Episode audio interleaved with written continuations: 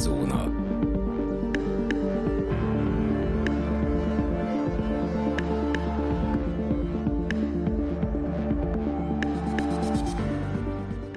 Köszöntjük a kedves hallgatókat, ez itt a Szürke Zóna Podcast, a mikrofonnál Rezső, valamint állandó vendégem Dani. Sziasztok! A mai napon a Magyarország tagadókról fogunk beszélni. Ezzel a névvel nem igazán szokták illetni őket, legalábbis tudomásom szerint. Mással sem igazán, mert egy relatíve fiatal hmm, közösségről, túlzás ennek jelenteni szektáról, de már-már szektába hajló közösségről van szó.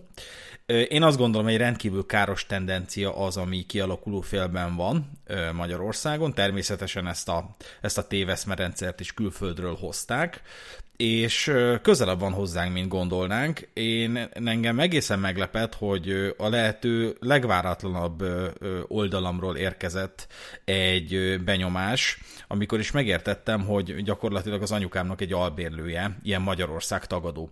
Ennek a történetét későbbre halasztanám, majd a mai adás végén fogok erről beszélni. Előre bocsátjuk, hogy két részes lesz ez, a, ez az epizód sorozat.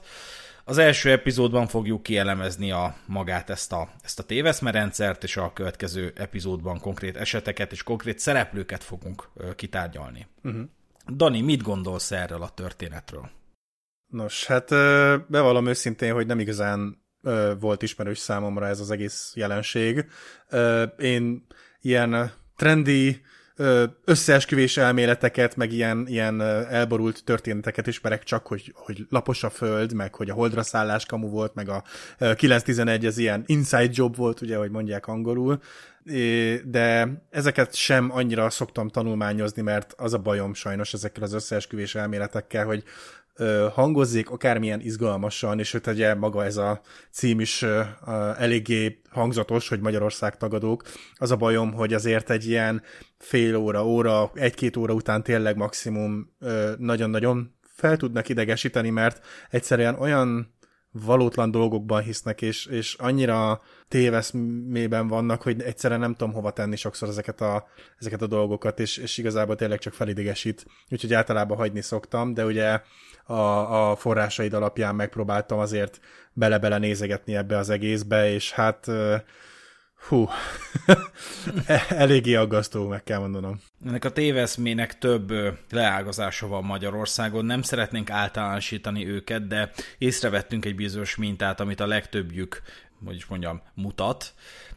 Próbáljuk ezeket a mintákat megragadni ebben az epizódban, de az első rendű célunk az az, hogy ezeket, ezeket a téveszméket megdöntsük, ugyanis azt vettem észre, hogy kommentekben, fórumokon, sőt válaszreakció videókban is próbálják az emberek egy kicsit tisztába tenni ezt a kérdéskört.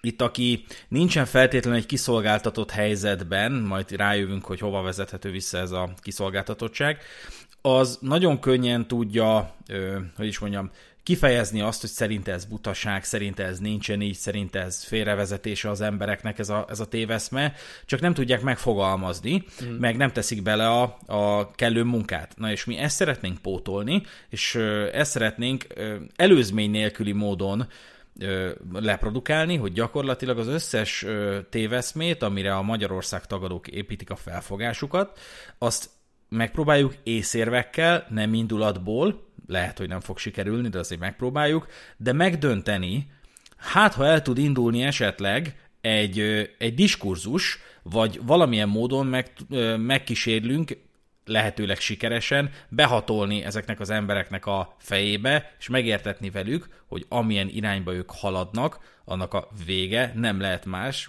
mint az, hogy kudarcot vallanak, és kár, kárát szenvedik ennek a téveszmének. Uh-huh. A következő a hitvallása a Magyarország tagadóknak. Röviden összefoglalva, a UCC a Földön az összes kereskedelmi ügyletre vonatkozik, mindegyik bank, kormány és jogi entitás jogalap nélkül működik. Az összes adósság törölve lett. A legrövidebb módon így lehet összefoglalni a Magyarország tagadóknak a hitvallását és ebben rengeteg, tehát ennek, ennek talán a föld kifejezés volt nem feltétlenül kamu, de az összes eleme ennek a mondatnak az az olvasó félrevezetése. Tehát tehát eleve a UCC, a UCC-t meg fogjuk érteni, hogy egyáltalán nem az, mint amit ők gondolnak. Tehát a valóságban ez nem egy olyan jogforrás, mint ami ennek a Magyarország tagadók felfogják. Nem vonatkozik az összes kereskedelmi ügyletre, állítják, hogy minden bank, kormány és jogi entitás jogalap nélkül működik, ez nem igaz, legfeljebb a, a meggyőződésük szerint, a vélt felfogásuk szerint a vélt, vélt jogforrásaik alapján, de valójában nem, és a, nem győzöm hangsúlyozni, nincs ilyesmi, hogy az összes adósság töröl veled, mm. legfeljebb egy alternatív valóságban, de ne haladjunk ennyire előre. Ezeket mi részről részre meg fogjuk dönteni. Mm-hmm. Előre szeretném bocsátani, biztos hallottak a hallgatók már a Dusnoki kiragadott gyermeknek a történetéről. Én engem akkor talált meg elő, először ez a, ez a Magyarország tagadás, amikor meghallottam a hírt, hogy Dusnokon gyakorlatilag a szüleitől elragadtak egy gyereket a hatóságok, mert a gyerekek, bocsánat, a szülők oly módon tagadtak mindent, ami az állammal kapcsolatos, oly módon belefeledkeztek ebbe a ebbe a téveszmébe, hogy az alapvető oltásairól sem gondolkodtak, védőoltásairól sem gondolkodtak a, a gyereknek, és a gyámhatóság lényegében a, az abszolút ö, ö, elutasítottsága miatt nem volt más választása, mint a rendőrség segítségével kiragadni a gyermeket a saját érdekében. Ezt a második epizódban szeretnénk majd kitárgyalni. Hát igen, amikor ezt így, így láttam, akkor azért eléggé csodálkoztam, elcsodálkoztam ezen az egész dolgon, mert uh, ugye ilyen különböző uh, sorozatokban, meg hasonló helyeken lehetett uh, hallani különböző népcsoportokról, meg, meg vallások híveiről, akik pittén vérátömlesztést, azok, azok megtagadják, meg hasonlók, de hát ugye azért ez egy kicsit kézzelfoghatóbb közelségben van, hogy, hogy országunkban történik ilyesmi, és hát nem igazán, ugye én nem nagyon fogyasztok médiát se tévében, sehol máshol, úgyhogy, úgyhogy izgalmasan várom, hogy majd engem is végigvezess ezen az egész szituáción. Hát nem túlzás azt mondani, hogy talán ez eddig a legnagyobb jelentőségű epizódunk, illetve adásunk, vagy epizódsorozatunk. Mindegyik epizódunknak meg volt a kellő jelentősége, de de itt ennek aztán van tétje. Tehát, hogy itt, itt több száz, akár több ezer emberről van szó, uh-huh. akik, akiknek a, a meggyőződésével és a, és a hitvilágával fogunk foglalkozni, de muszáj velük foglalkozni, mert, mert ennek a hitvilágnak nem lehet más vesztese, csak is ők. És nem, ők nem lesznek a, gyert, a nyertesei ennek a történetnek, semmiképpen. Források után kutattunk Danival, és arra jutottunk, hogy a magyar YouTube, az, illetve hát a YouTube-nak a magyar vetülete, ott több száz, talán több ezer órás tartalom van fenn, ahol ezek az emberek, ezek a Magyarország tagadók a téveszméiket bizonygatják. Egész egyszerűen nem lehet a végére érni ezeknek. Tehát ha három héten keresztül folyamatosan ezeket nézed, az a benyomásod, egyszerűen nem, nem érsz a végére. Mindig van és van még újra nézni való. És ez egy érdekes megélés volt számomra, mert nekem az a felfogásom, az a megélésem, hogy a Conteo hívők, tehát a Conteo az a konspirációs teória hívők, tipikusan túltermelik a tartalmaikat. Igen. Itt Mol- Molnár F. Árpádot tudnám beidézni, aki, akinek a tartalmai nézhetetlenek, de ez őt nem tántorítja el attól, hogy száz számra gyártsa a videóit. Érdemes belekukkantani lényegében ugye a UCC kifejezés köré épül az összes ilyen tartalom. Tehát, hogyha beírjátok a YouTube-ba, hogy UCC, akkor akkor meg fogjátok tartal, tar, találni, amit kerestek, és ami a témánkhoz illeszkedik. Elként is neve, nevesíthető leginkább ez a Conteo, ezt a Magyarország tagadást, ezt mi adtuk neki, de a UCC így, UCC új, tehát ez a, ez a fő motivum, ami köré épül a dolog. Ez a UCC, ez a Uniform Commercial Code, ez egy, ez egy amerikai szövetségi szintű jogszabály, ha uh-huh. mondhatom így, és azt gondolnánk, hogy ezen a ponton nagyon könnyű vitatkozni, vagy könnyű lenne vitatkozni, ugyanis ők, ők mindent a UCC-ből vezetnek le, mindent, a, ami, ami, ami vélt jog, és amiről úgy gondolják, hogy megilleti őket, azt a UCC-hez kötik, és azt gondolnánk, hogy ilyenkor könnyű vele vitatkozni, mert hát tényleg van egy UCC, tényleg van egy Uniform Commercial Code, sőt meg is ismerhető a tartalma, és hát e, szinte azonnal láthatja egy szakértő, vagy mondjuk egy jogász, aki tud angolul, hogy, hogy, hogy a tartalma nem illeszkedik ahhoz az állításhoz, amit a UCC sámánok Magyarországon mondanak. Uh-huh. De amikor elkezded megdönteni, akkor változik a, változik a rövidítésnek a, a valós ö, verziója, tehát akkor, hogyha már el, megdöntöd a Uniform Commercial Code kifejezést, akkor kiderül, hogy végig a Union Customs Code-ról volt szó, ami megint csak egy létező dolog, de annak megint csak utána kell nézned, a közember ugye ezen a ponton már simán megáll, tehát ő nem fog még a Union Customs Code-nak utána nézni, és amikor már ugye két jogforrásnál tartasz, amiről kiderült, hogy nem az, mint aminek ők vallják, hogy az, akkor kiderül, hogy végig a United Commercial Codexről volt szó, tehát gyakorlatilag keverik, folyamatosan keverik ezt a rövidítést, bármikor tudnak valami új ilyen kombóval felállni. Egy a lényeg, hogy soha ne tud megtalálni ezt a forrást. És nincs is fönt. Ebben a formájában, amik, amit ők állítanak, nincs fönt ez a jogforrás az interneten. Ez egy nem létező, ez egy fiktív jogforrás, amire ők alapoznak. A UCC, hogyha innentől UCC-t mondok, akkor Uniform Commercial Code-ról fogok beszélni, mert ők rendszerint ezt ö, nevesítik, tehát ezt, ezt említik meg. Azt gondolom van az áljogi bullshitelésnek az a szintje, amikor ugye csúsztatnak. Ez a jogászoktól sem teljesen idegen, én ezzel a mindennapi életemben is találkoztam, beidéznek egy jogszabályt, és félreértelmezik. És ugye a jogszabályokat egyébként könnyű a magad javára értelmezni, pláne hogyha olyanokkal szemben állsz, akik nem teljesen tájékozottak a jog tekintetében. Tehát a saját hasznodra bárki tehát saját hasznod, hasznára bárki el tudja ferdíteni a, a jogszabályok rendelkezéseinek az értelmezését. Viszont van az a szint, amikor kitalált jogforrásokra hivatkozol, vagy meglévő jogszabályok rendelkezéseit tényszerűen meghamisítod, na és ez az a szint. Tehát a Magyarország tagadás az itt kezdődik. Uh-huh. Ennek ellenére rendezvényeket, találkozókat szerveznek a UCC sámánok, és az egyik legijesztőbb pillanata az ilyen találkozóról készült videónak az volt, amikor a főszervező megkérdezi a, a rendezvény elején a hallgatóságot, hogy vannak köztetek még adósok? és hát nem látszik a tömeg, de véletlenül senki nem teszi fel a kezét, és mondja, mondja is a host, tehát a szervező, hogy, hogy hát igen, igen, akartam is mondani, hogy nincs köztünk adós, mert minden adósságunkat eltörölték. Tehát egy borzasztóan káros üzenettel ö, ö, dolgoznak, lényegében azzal, hogy, hogy, hogy nem, nem terhelnek téged azok a kötelezettségek, amiket magadra vállaltál. És én pontosan tudom, hogy ezek az emberek többnyire devizahitelesek, tehát súlyosan károsult emberek, uh-huh és, és nem sok egyéb ö, lehetőségük maradt, mint ebben hinni, de az ő helyzetükön nem fog az segíteni, hogyha elhiszik azt a hazugságot, hogy ezt a rengeteg adósságot valamilyen fiktív jogi aktus eltörölte. Tehát ez, ez nem fog a helyzetükön segíteni, csak rontani tud. Érdekessége még ezeknek a tartalmaknak, hogy egy csomó tartalmat úgy kezdenek, hogy min, minél előbb nézzétek meg, mert biztos, hogy leszedették, mert, mert az ilyesmi nem maradhat fenn sokáig a neten. Igen. Tehát, hogy egész egyszerűen van egy ilyen üldöztetés energetikája ennek a dolognak, egy ilyen paranoia, paranoid jelleg, minden tartalmukat átitatják ezzel a, ezzel a felfogással, hogy még mielőtt letiltják, még mielőtt leszedetik, ez az igazság, az igazságot nem fogják engedni, hogy fönnmaradjon, hogy gyorsan nézd meg. És talán ezek miatt, vagy ezek ellenére, de több ezres megtekintései vannak ezeknek a tartalmaknak, pedig végletekig színvonaltalanok. Tehát a legtöbb videóban nem lehet hallani a, a szereplőnek, a főszereplőnek a hangját, hmm. csak akkor érted, hogyha minden figyelmedet oda összpontosítod, és mégis több ezren megnézik, kommentelnek alá, és hasonlók.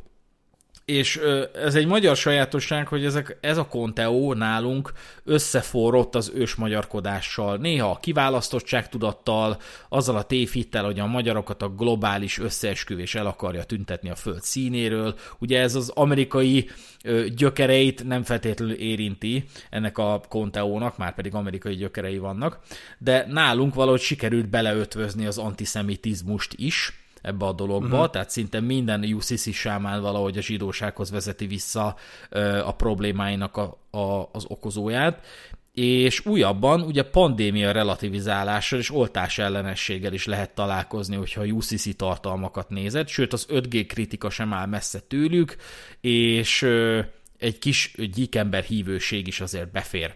Mert hogy a háttérhatalom az, az mindig ott lebeg ugye minden összesküvés elmélet mögött, mint egy sötét árnyék, ezek ők, nagy betűkkel ők. Ugye a UCC szerint, UCC hívők szerint ez többnyire a zsidóság, ritkábban gyíkember, de néha ez a kettő így összemosva, tehát vannak bajok, de, de, de ezt, ezt, ezt érdemes tudni, hogy azért az összeesküvés elméletek köré épülő szekták, hívők közösségei nem szeretik megnevezni a, a, a, a háttérhatalom tényleges szereplőjét, sőt tiltakoznak, amikor valaki megpróbálja nevezni.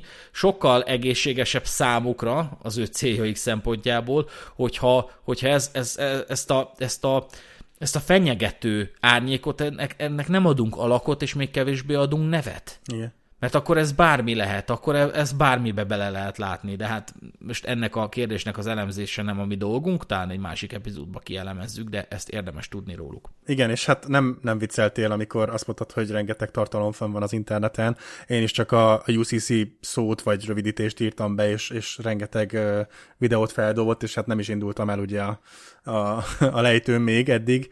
És hát igen, sajnos az a baj általában ezekkel a konteókkal, hogy hogy a, ezek az emberek, akik ezekben a dolgokban hisznek, ezek valahogy valahogy mindig tudnak minden kérdésre válaszolni, minden egyes ellenpontra tudnak valamilyen reakciót mondani, és hát ugye tényleg mindig csak a lapos földhöz tudok visszakanyarodni, mert szerintem még, még az lehet egy ilyen kézzelfoghatóbb dolog, hogy tök mindegy, hogy milyen kísérletet mutatsz be, tök mindegy, hogy milyen adatokat dobsz eléjük, meg akármit mondhatsz, egyszerűen annyira benne vannak már ebben a fiktív világban, meg, meg világképben, hogy egyszerűen már nem tudnak ettől elszakadni, és hát ezért is vagyok kíváncsi, hogy ugye ennek a két epizódnak milyen ráhatása lesz erre az egész témára, mert ugye hiába, általában hiába dobálózik az ember tök mindegy, hogy mennyire érzelmesen, tök mindegy, hogy mennyire tényszerűen, nem, nem nagyon szokott ugye átmenni ezen a, ezen a burkon, bármi, úgyhogy remélem azért bármi, hogy valamilyen eredménye lesz, de, de hát megkérdőjelezem, főleg, főleg így, hogy ugye elkezdenek egyre több hülyeségben hinni, tehát hogy legyen szó itt akár az 5G-ről, mert ugye ez az elmúlt két évben egy elég nagy téma volt, vagy, vagy akármi másról, és ez, ez csak egyre mélyebbre és mélyebbre ássák magukat sajnos. Mi ugye kísérletet szeretnénk tenni arra, hogy megdöntsük pontról pontra ezeket a téveszméket, és észérvekkel, az eszünket és a belefektetett munkát kihasználva uh-huh. nem csak intuíciókban dolgozni, én azt hiszem észre, ők jellemzően intuícióból gondolkodnak, tehát inkább, inkább a sugallatok, inkább a meggyőződés az, ami, ami diktálja ezeket a, ezeket a ezeket az állításokat, amiket akár polgári peres vagy, vagy büntetőjogi tárgyalás keretében is hajlandóak, sőt nem átallanak folyamatosan pörgetni de ne, megint csak hangsúlyozni szeretném, hogy nem szeretnénk általánosítani őket, tehát amiket állítunk, az nem minden Magyarország tagadóra jellemző, mert valaki, van olyan csoportja ennek a, ennek a közösségnek, aki nem osztja a mély magyarságot, vagy az oltás ellenességet, a joghatóság megkérdőjelezést viszont minden, mindenhol lehet, tehát mindenhol lehet ezzel találkozni, tehát ezért is neveztük Magyarország tagadóknak mm. őket, mert ez, ez szinte minden tekintetben, minden leágazásokat illetően megegyezik. Na, vegyük végig először is röviden a, a, az ismérveket, amiket vallanak, illetve azokat a, azokat a téveszméket csak röviden, amiket állítanak, és utána szépen elkezdjük őket megdönteni. Szóval utcu neki. Remélem értetted a szó viccet. Igen. Tehát van egy csoport, aki, aki egy alternatív, alternatív valóságban él. Röviden ugye tagadják Magyarország legitimitását, szerintük nincs is olyan, hogy Magyarország. Bontsuk ki. Amit most felsorolunk, az teljes egészében bullshit. Tehát ezt, ezt értsük. Magyarország szerintük egy New Yorki tőzsdén bejegyzett, cég teljes meggyőződéssel tudják állítani, és ez minden téveszméjüknek az alapja, ráadásul sok esetben ö, nyomtatott papírokat lengetnek, linkeket hangsúlyoznak, tessék, meg kell nézni, meg kell nézni, és ö, tényleg elvezet valahova az a link, és tényleg szerepel valami a, azon a nyomtatott papíron, de az nem az, amitnek gondolják, tehát ö, a későbbiekben meg fogjuk dönteni. Másosorban, minden hatóságnak, bíróságnak megkérdőjelezik a felhatalmazását arra, hogy közhatalmat gyakoroljanak, hiszen nem létezik az az állam, akitől ezt megkapták. Uh-huh. Minek után szerintük Magyarország egy New Yorki tőzsdén bejegyzett cég. Előfordult már, hogy bírósági eljárás provokálnak ki maguknak, ö, bocsánat, magukkal szemben, hogy deklarálhassák ezt a zsákutcát, ugyanakkor beadványokat adnak át, amiben mindez szerepel, bizonyításra szólítják fel a bírót, a hatósági szemét, cáfolatra hívják fel a, a bankot, hm, hasonló szervezeteket, tehát jellemzően intézményekkel szemben harcolnak, uh-huh. ilyen establishment undorban szenvednek. Harmadrészt minden olyan cselekményt kerülnek, ami a kormányjal való szövetségre lépés kifejeződése. Alapvető nyilvántartásba vételi műveleteket nem tesznek meg, akár ugye a saját gyermekük esetén sem, például néha már ugye anyakönyvesztetés is elmarad a gyerek tekintetében. Már néha odáig jutnak, hogy játékigazolványokat gyártatnak maguknak, mm. természetesen a saját közegükkel, tehát azt azért hangsúlyozzuk, hogy a hatóságnak a nyilvántartásában nem szeretnek szerepelni, de a saját közegüknek pedig úgy adják oda a saját adataikat, és úgy írnak alá nekik mindent, mint hogyha kötelező lenne és hát játékigazolvány az értelemszerűen a személyigazolványt hivatott pótolni, de ez, erről is csak később fogunk beszélni. Negyedrészt az USA kormánya rabszolgaságban tartja szerintük az embereket azzal, hogy aranyfedezet helyett az embereket állítja be a pénzkibocsátás fedezeteként. Ezt úgy, úgy oldja meg az USA kormánya szerintük, hogy a nyilvántartásba veszik biztosítást vesznek fel az emberre, és amikor az ember eléri a 7 éves kort, halottán nyilvánítják, és a helyébe léptetnek egy alter egót. Azaz egy strómant, ezt még az angol is strawman-nek hívják, és hívja, és ide vezethető vissza a strawman teori, uh-huh tehát a Stroman elmélet, ami lényegében egy pseudojogi elmélet, a pseudojog ugye egy, egy, egyfajta fiktív jog, egy áljog, gyakorlatilag ez szerint van egy alter egót, ami, ami független tőled, egy kreált jogi személyiség, és az összes kötelezettséget szerintük ez a jogi személyiségethez kötődik, ami elkülönül a valós mi voltottól. Mm ez a legtöbb joggyakorló szerint is egyébként csalás alapja, és a Sovereign Citizens nevű mozgalom szerint, ami a, majd hogy nem az abszolút gyökere ennek a történetnek. Tehát a Sovereign Citizens szerint a születési anyakönyvi kivonatoddal tulajdonképpen létrehoznak neked egy titkos számlát, egy akuntot, amin jóváírnak egy nagyobb összeget, mm. ami 600 ezertől 20 millió dollárig terjed, kommentekben olvastam egy nagyon érdekes érvet, hogy a bíróság is idéz, nem behív, idézni pedig a holtakat szokták. Tehát a bíróság ezzel, tehát ilyen szintű kommenteket lehet olvasni sajnos, tehát a bíróság ezzel igazolja, hogy te valójában halott vagy, butaság. Nem szeretnék senki sem megsérteni, de ezt erre tényleg nem lehet egyébként mondani. Lényegében az elmélet alapján hogy miért van ezeknek az alteregóknak egy titkos számlája, és oda miért gyűjtenek pénzt, mert hogy az USA elvileg ilyen biztosításokkal tovább tőzsdézik, amit felvettek az emberre, miután meghalt 7 éves korában, és ugye ők a felfogásuk szerint ettől az alteregótól akarják elválasztani magukat, emiatt nem, ír, nem írnak alá okiratokat, vagy érvénytelenül írják alá, adott esetben megjelölik valahogy, például az új lenyomatukkal, vagy kettős ponttal elválasztják a két nevüket, mm. vagy csak kis betűvel írják, valahogy kifejezik, hogy nem járulnak hozzá ahhoz a szövetséghez, amit ők a, a, azzal a entitással kötnek, aminek ugye a joghatóságát ők nem ismerik el.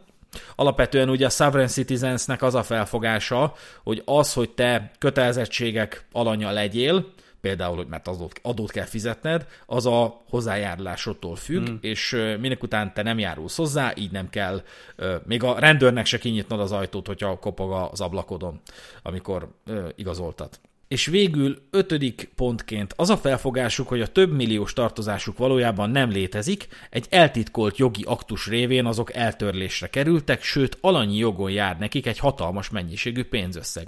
Nem mindenki vallja ezt az utolsót. Tehát vizsgáljuk meg, de még mielőtt megvizsgálnánk, mit gondolsz, Dani?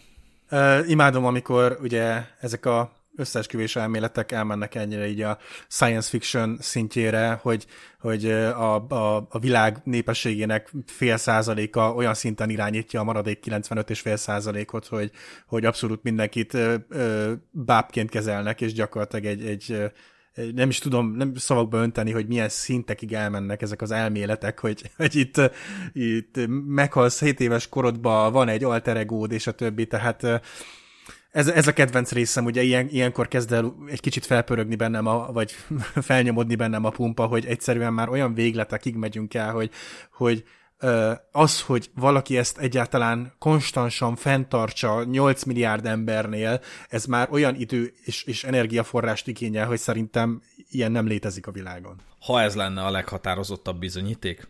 De, de ez talán az egyik leggyengébb bizonyítékunk, mert sokkal jobb bizonyítékok vannak arra, hogy ez téveszme. Uh-huh. Azaz humbug. Tehát vizsgáljuk meg a fenti állításokat. Ugye mondtam, hogy szerintük Magyarország egy New Yorki tőzsdén bejegyzett társaság. Az egyik érvük, ami, amivel ezt alá szokták támasztani, az az, hogy, hogy GOV szerepel, tehát GOV szerepel az állami kötődésű weboldalak domain neveiben. Uh-huh. Szerintük a GOV az a government rövidítése, ami az amerikai kormányzatra utal, hiszen angolul van. Tehát értjük, ez az egyik felfogás, hogy minek után még magyar ö, weboldalakban is ö, ö, benne van a gov kifejezés, egy csomó olyan ö, weboldal domain nevében, aminek állami kormányzati kötődése van.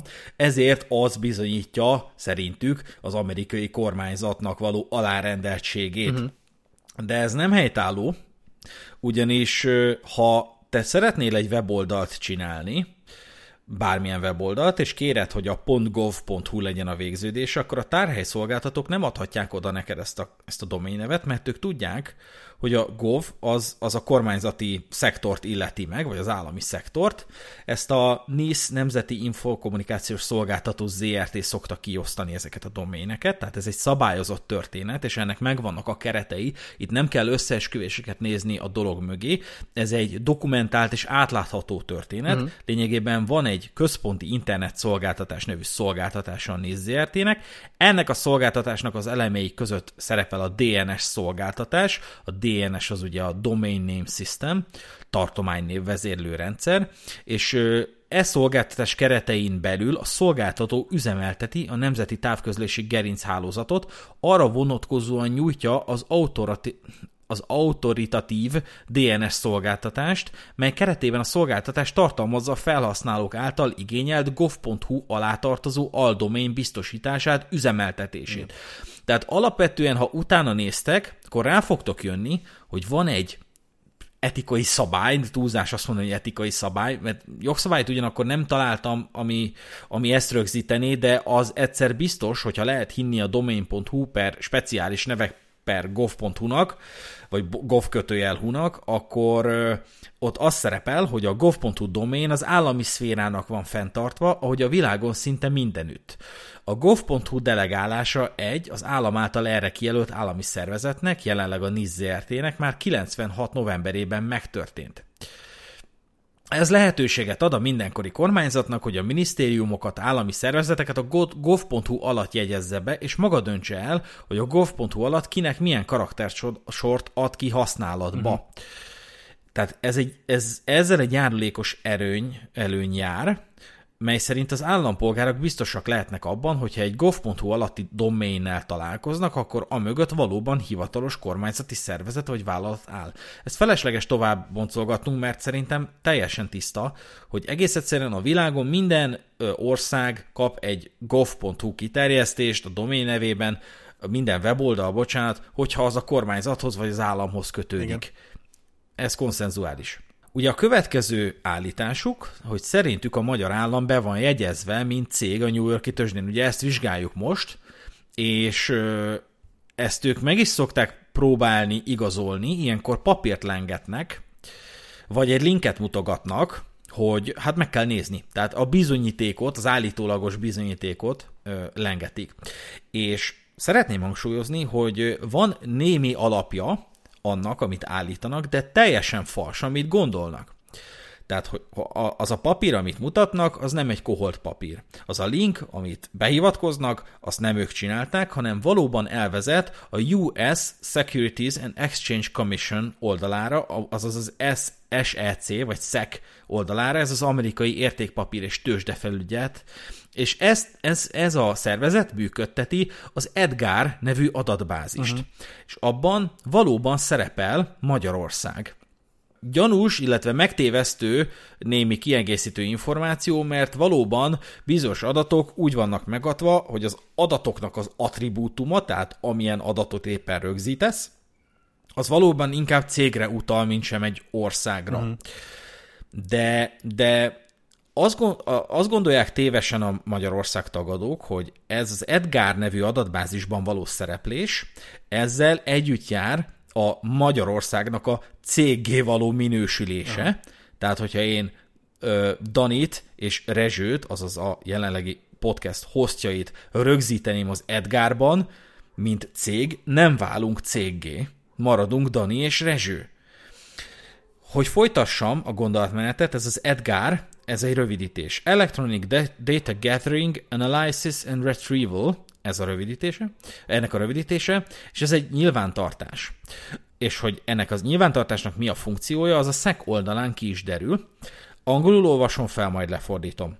This system is intended to benefit electronic filers enhance the speed and efficiency of SEC processing, and make corporate and financial information available to investors, the financial community and others.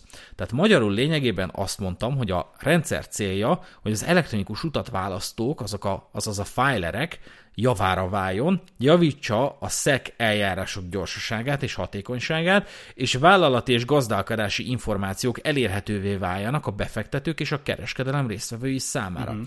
Tehát ez nem egy olyan nyilvántartás, amiből a tőzsdén való bejegyzés következne, nincs joghatása, egyetlen egy funkciója van, hogy elősegítse az átláthatóságot, hogy aki informálódni akar azokról az adatokról, amit Magyarország ténylegesen rögzített a SZEC-nek a adatbázisában, nevezetesen az Edgárban, az tudjon tájékozódni. Vegyünk egy analógiát, hogy érthetőbb legyen. Én ugye adatvédelmi tisztviselőként dolgozom.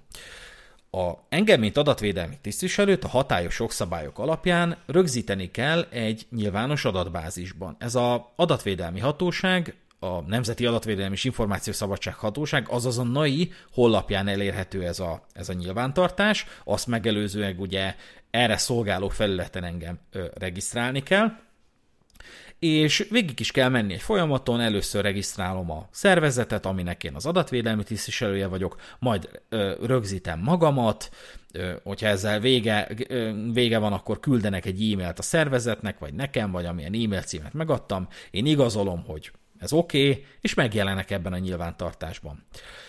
Ez oké, okay, hogyha én adatvédelmi tisztviselő vagyok.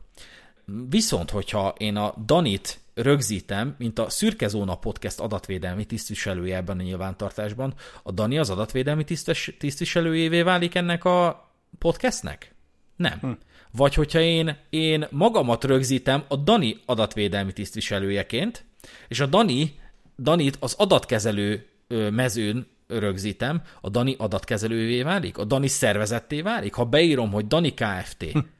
Dani korlátolt felelősségű társasággá válik? Nem, mert az nyilvántartásnak nem ez a joghatása, nem ez a funkciója, mindössze a tájékoztatás, semmilyen ellenőrzésen nem megy át, ami arra vonatkozóna, hogy, hogy a tényleges adatokat és a valós adatokat rögzíted, de még ha át is menne, akkor sem következne belül, belőle semmi, mint sem az, hogy mostantól ezek az adatok elérhetőek a nyilvánosság számára.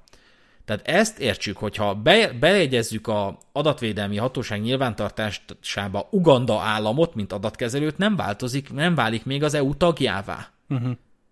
Ugye adatvédelemről beszélünk, az Európai Uniós téma. És igen, és itt ennél a, ennél, ezeknél a pontoknál valószínűleg az a nehéz, hogy az átlagember Gondolom én itt többnyire csak feltételezem, hogy ugye egy kicsit idősebb generációról van szó, és ha még találnának is magyar megfogalmazást erre az egészre, bár nem tudom, hogy mennyire létezik hivatalosan ugye magyar fordítás, még akkor is maga a nyelvezet nagyon félrevezethetően hangzik, meg ugye értelmezhetetlen, hisz tudjuk, hogy az átlag embernek azért a, a jogi nyelvvel is általában meggyűrik a baja, és hát nyilvánvalóan ez több, mint valószínű, hogy a Magyarország tagadóknak egy, egy nagyon, nagyon az előnyére válik, hogy, hogy, hogy összezavarodik az ember, és, és elkezdi meglátni ugye a, a logikát a Magyarország tagadóknak a mondani valójában. Tehát ez legyen, ez legyen a tanulsága ennek az etapnak, hogy gyakorlatilag amikor valaki azt a papírt lengeti neked, hogy Magyarország az egy New Yorki tőzsdén bejegyzett cég,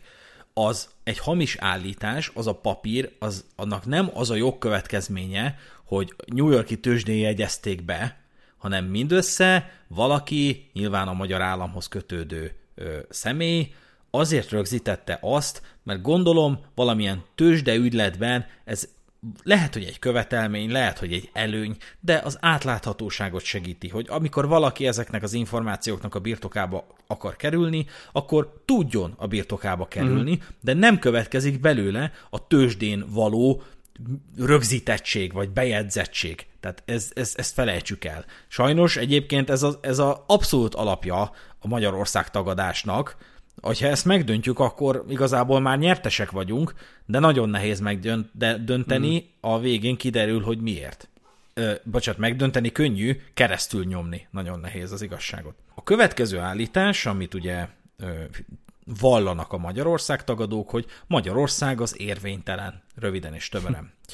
Mert ugye szerintük, ha Magyarország az egy cég, akkor jogszabályai érvénytelenek, cégnek nem lehet jogszabálya, és állampolgára sem. Egy másik folyamatban, vagy egy másik videóban, ahol tárgyalás provokált, nem hiszem, hogy provokált, inkább, inkább elszenvedett egy Magyarország tagadó egy tárgyalás, gondolom valamilyen törlesztés miatt, ott vezette le az egyik ilyen UCC hívő, hogy mire alapozza a, a Magyarországnak az érvénytelenségét emellett. Lényegében szerinte az alaptörvény, tehát az, amiről ugye tudható, hogy a jogszabályi hierarchiánknak a csúcsán helyezkedik el, tehát az a alaptörvény, ez a nevében is benne van, az egy alkotmány egyébként, tehát az alkotmány fogalmilag egy alkotmány. Mm.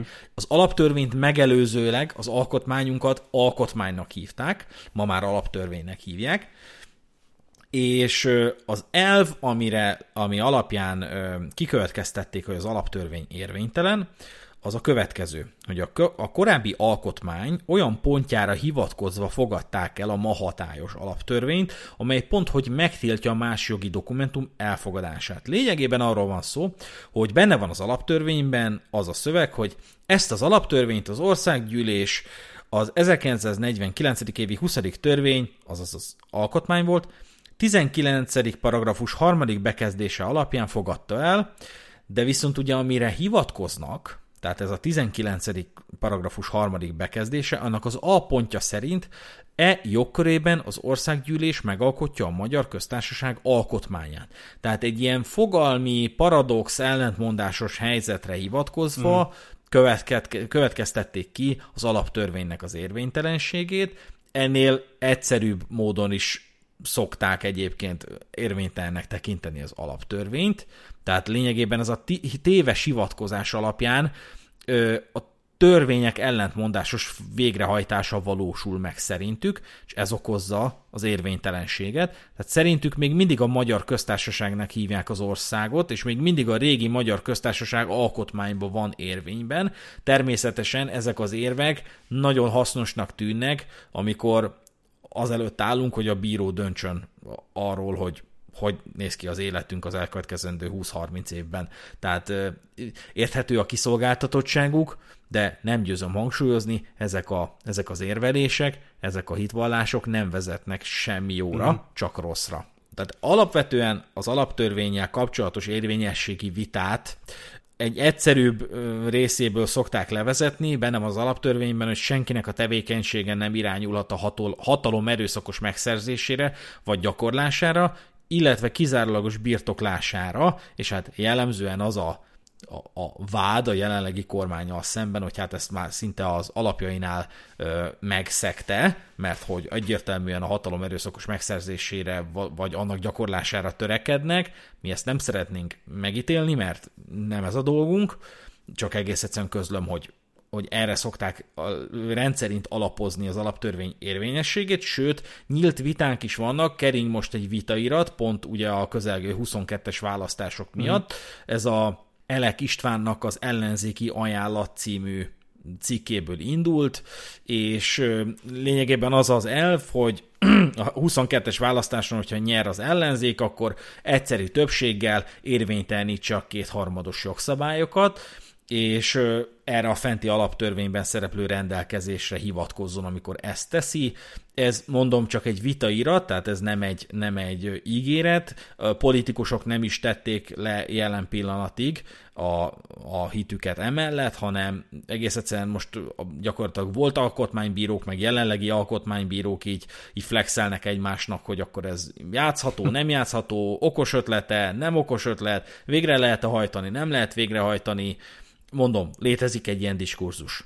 A következő téfitük az az államigazgatással való szövetség vehemens kerülése köré épül, amit ugye említettünk, hogy minden alkalmat megragadnak arra, hogy ne kelljen szövetségre lépniük az államigazgatással, tehát kerülik az aláírás, nem szeretnének aláírással átvenni se, még a postán se semmit, ha már muszáj aláírni, akkor helytelenül írnak alá, mm. rosszul írnak alá, megjelölik valamivel, kifejezik valahogy azt, hogy, hogy, hogy ők, ők, ők nem fognak szövetségre lépni az állammal, lényegében kerülnek olyan aktusokat, amikor, amikor alá kell írni bármilyen közök, közokiratot, vagy nyilvántartásba kell venni valakit a, a személyükkel kapcsolatban, és érdekes, hogy bár kizárólag az állam irányában van ez az írtózás, ugyanis saját közegükben állandóan csatlakozási nyilatkozatok megtételére, honlapjaikon való regisztrációra szólítják fel egymást,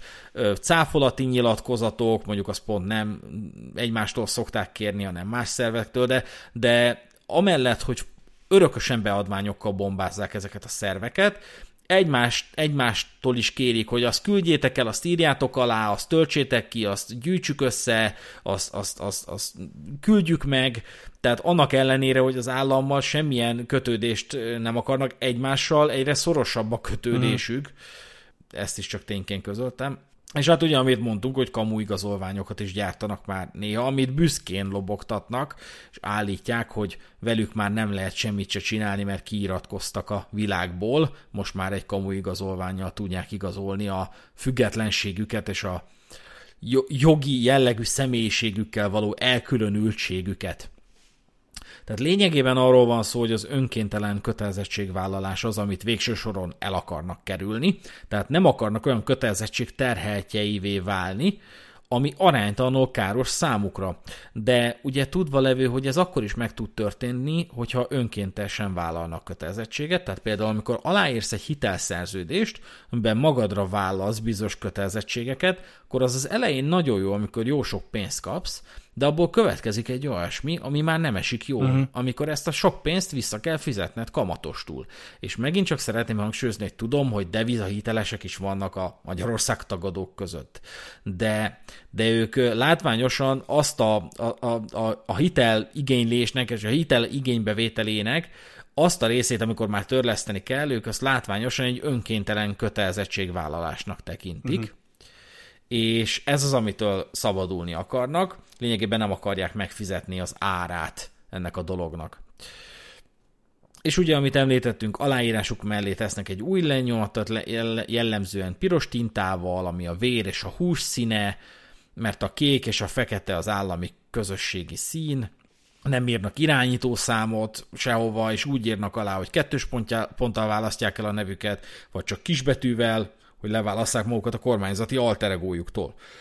Ezeket a pontokat abból a szempontból nagyon érdekesnek találom, hogy most csak így, csak így végig gondolva a mindennapjaimat, hogy ezek az emberek hogy élik az életüket, tehát legyen szó akár egy munkahelyről, akár tényleg postára menésről, bármi, bármi ügyintézésről, meg ilyesmi, mert nyilvánvalóan nem feltétlenül az életed minden egyes pontjánál ellenőrzik a, az irataidat, meg ilyesmi, de azért, azért ha, ha belegondolok, tényleg nagyon, nagyon sok alkalom van, amikor amikor nekem valamit alá kell írnom, meg meg kell adnom adataimat, meg ilyesmi, és, és egyszerűen így nem is tudom most így, így hirtelen felfogni, hogy, hogy akkor ők így ezeket a, a tevékenységeket, meg akár szolgáltatásokat hogy veszik igénybe, meg ilyesmi. Engem teljesen, teljesen meglepett egyébként, amikor belástam magam kicsit a tartalmaikba, és láttam az egyik ilyen UCC sámánt, aki konkrétan instrukciókat ad arra, hogy hogyan érvényesítsék az emberek a fiktív jogaikat. Most fel fogok olvasni valamit, amit az egyik ilyen videóból másoltam ki.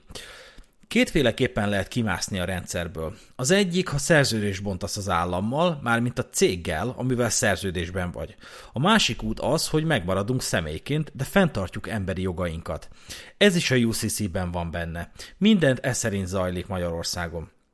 Viszont benne hagyták a jogorvoslatot, ami arról szól, hogy fenntarthatom az emberi jogaimat, nem kényszeríthetnek rá bármilyen szerződésre, amiben nem mentem bele tudatosan és szándékosan.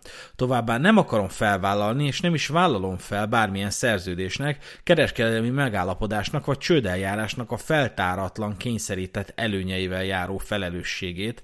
Ezt én nem értettem meg, hogy mi ez az utolsó mondatrész ha valaki az aláírása alá odabigyezti a UCC 1 kötőjel 308 paragrafust, és úgy írja alá az adott nyilatkozatot, ezzel kinyilvánítja, hogy fenntartja emberi jogait, és a UCC megengedi a szokásjogot, ez az 1 kötőjel 103.6-os paragrafusban található, és a szokásjog alapján az ember követelheti például egy banktól azt, hogy igazolja egy kölcsönügylet törvényességét. Tehát észrevehetjük, hogy, hogy nem létező ö, fiktív jog, jogot ö, vezet le, egyszerűen annyira egybefüggően, hmm. hogy még engem is meglep. Tehát olyan, mintha random szavakat raknánk egymás mellé, de azt egyszerűen folyékonyan tudnánk küldeni. És ez nagyon, ez, ez a része nagyon-nagyon káros, mert azt látom, hogy azt a, azt a jelleget sugalják ennek a pseudojognak, hogy ez létező, elvégre összeszedetten és következetesen le lehet vezetni, hogy miképpen tudsz jogot érvényesíteni, de ilyen jogok nem léteznek. Igen. Csak egy alternatív univerzumban, de az alternatív univerzumban klingonok is léteznek. És hiába szeretnéd, hogy a hálószobádba teremjen egy klingon harcos, nem fogod teremni, ahogy a fiktív jogot sem fogod tudni érvényesíteni. Igen, és hát ugye pont ez a veszélyes, amit ugye korábban említettem, hogy sajnos az átlag embernek, érted, ha még te is, mint jogász azt mondod, hogy hú, azért így elgondolkodsz egy pillanatra, akkor azért az átlag ember ebbe az egészben mit lát bele, hogy hát úristen, hát ez stabil lábakon áll ez az egész dolog. Igen, igen. És ugye műveletek megtételére szólít fel, vagy azokat javasolja, olyan következményeket helyez kilátásba ezen műveleteknek, amik nem valósak, tehát hogyha odaírod a UCC nem tudom milyen paragrafusát, akkor fenntartod a jogaidat, és abból ez következik, de nem következik. És ez megint csak problémás, hogy amikor kerestem tartalmat, meg forrást, rájöttem, hogy rengeteg kamu sikertörténettel flexelnek egymásnak, és azokat pörgetik a fórumon, hogy hát beírtam a EOS ZRT követeléskezelőnek, hogy UCC 103, és azóta nem csesztetnek. Mm. És ez kamu, ez hazugság. Tehát nem, ilyesmi nem történik meg. Ezek, ezek hamis és hazug sikertörténetek, és ö, egyetlen egy funkciójuk van, hogy fenntartson téged, benne tartson téged a szektában, és a téveszméidhez köt, köt, köttessen továbbra is. És akkor beszéljünk kicsit ezekről a lépésekről, amiket ők felvázolnak, nem volt egyszerű ennek se a végére jutni, de hogy pontos lépések mentén vezetik le, hogy mit kell csinálnod ahhoz, hogy a UCC-ből következő jogaidat érvényes, érvényesítsd. Lényegében ugye folyamatábrával is ö, leírják, nagyon nehéz, de megteszik, és én most nem szeretném felvázolni az egész folyamatábrát, de szerintem Patreonon elhelyezzük, hogy lényegében az a koncepció, amit ők vallanak, hogy, hogy bármilyen hatóság, vagy bank, vagy bíróság bármit szeretne tőled, vagy bármilyen, bármikor jogviszonyra akar veled lépni, akkor küldeni kell nekik egy úgynevezett udvarias értesítést, aminek lényegében az a tartalma, hogy felszólítod a szervet, hogy igazolja az érvényességét.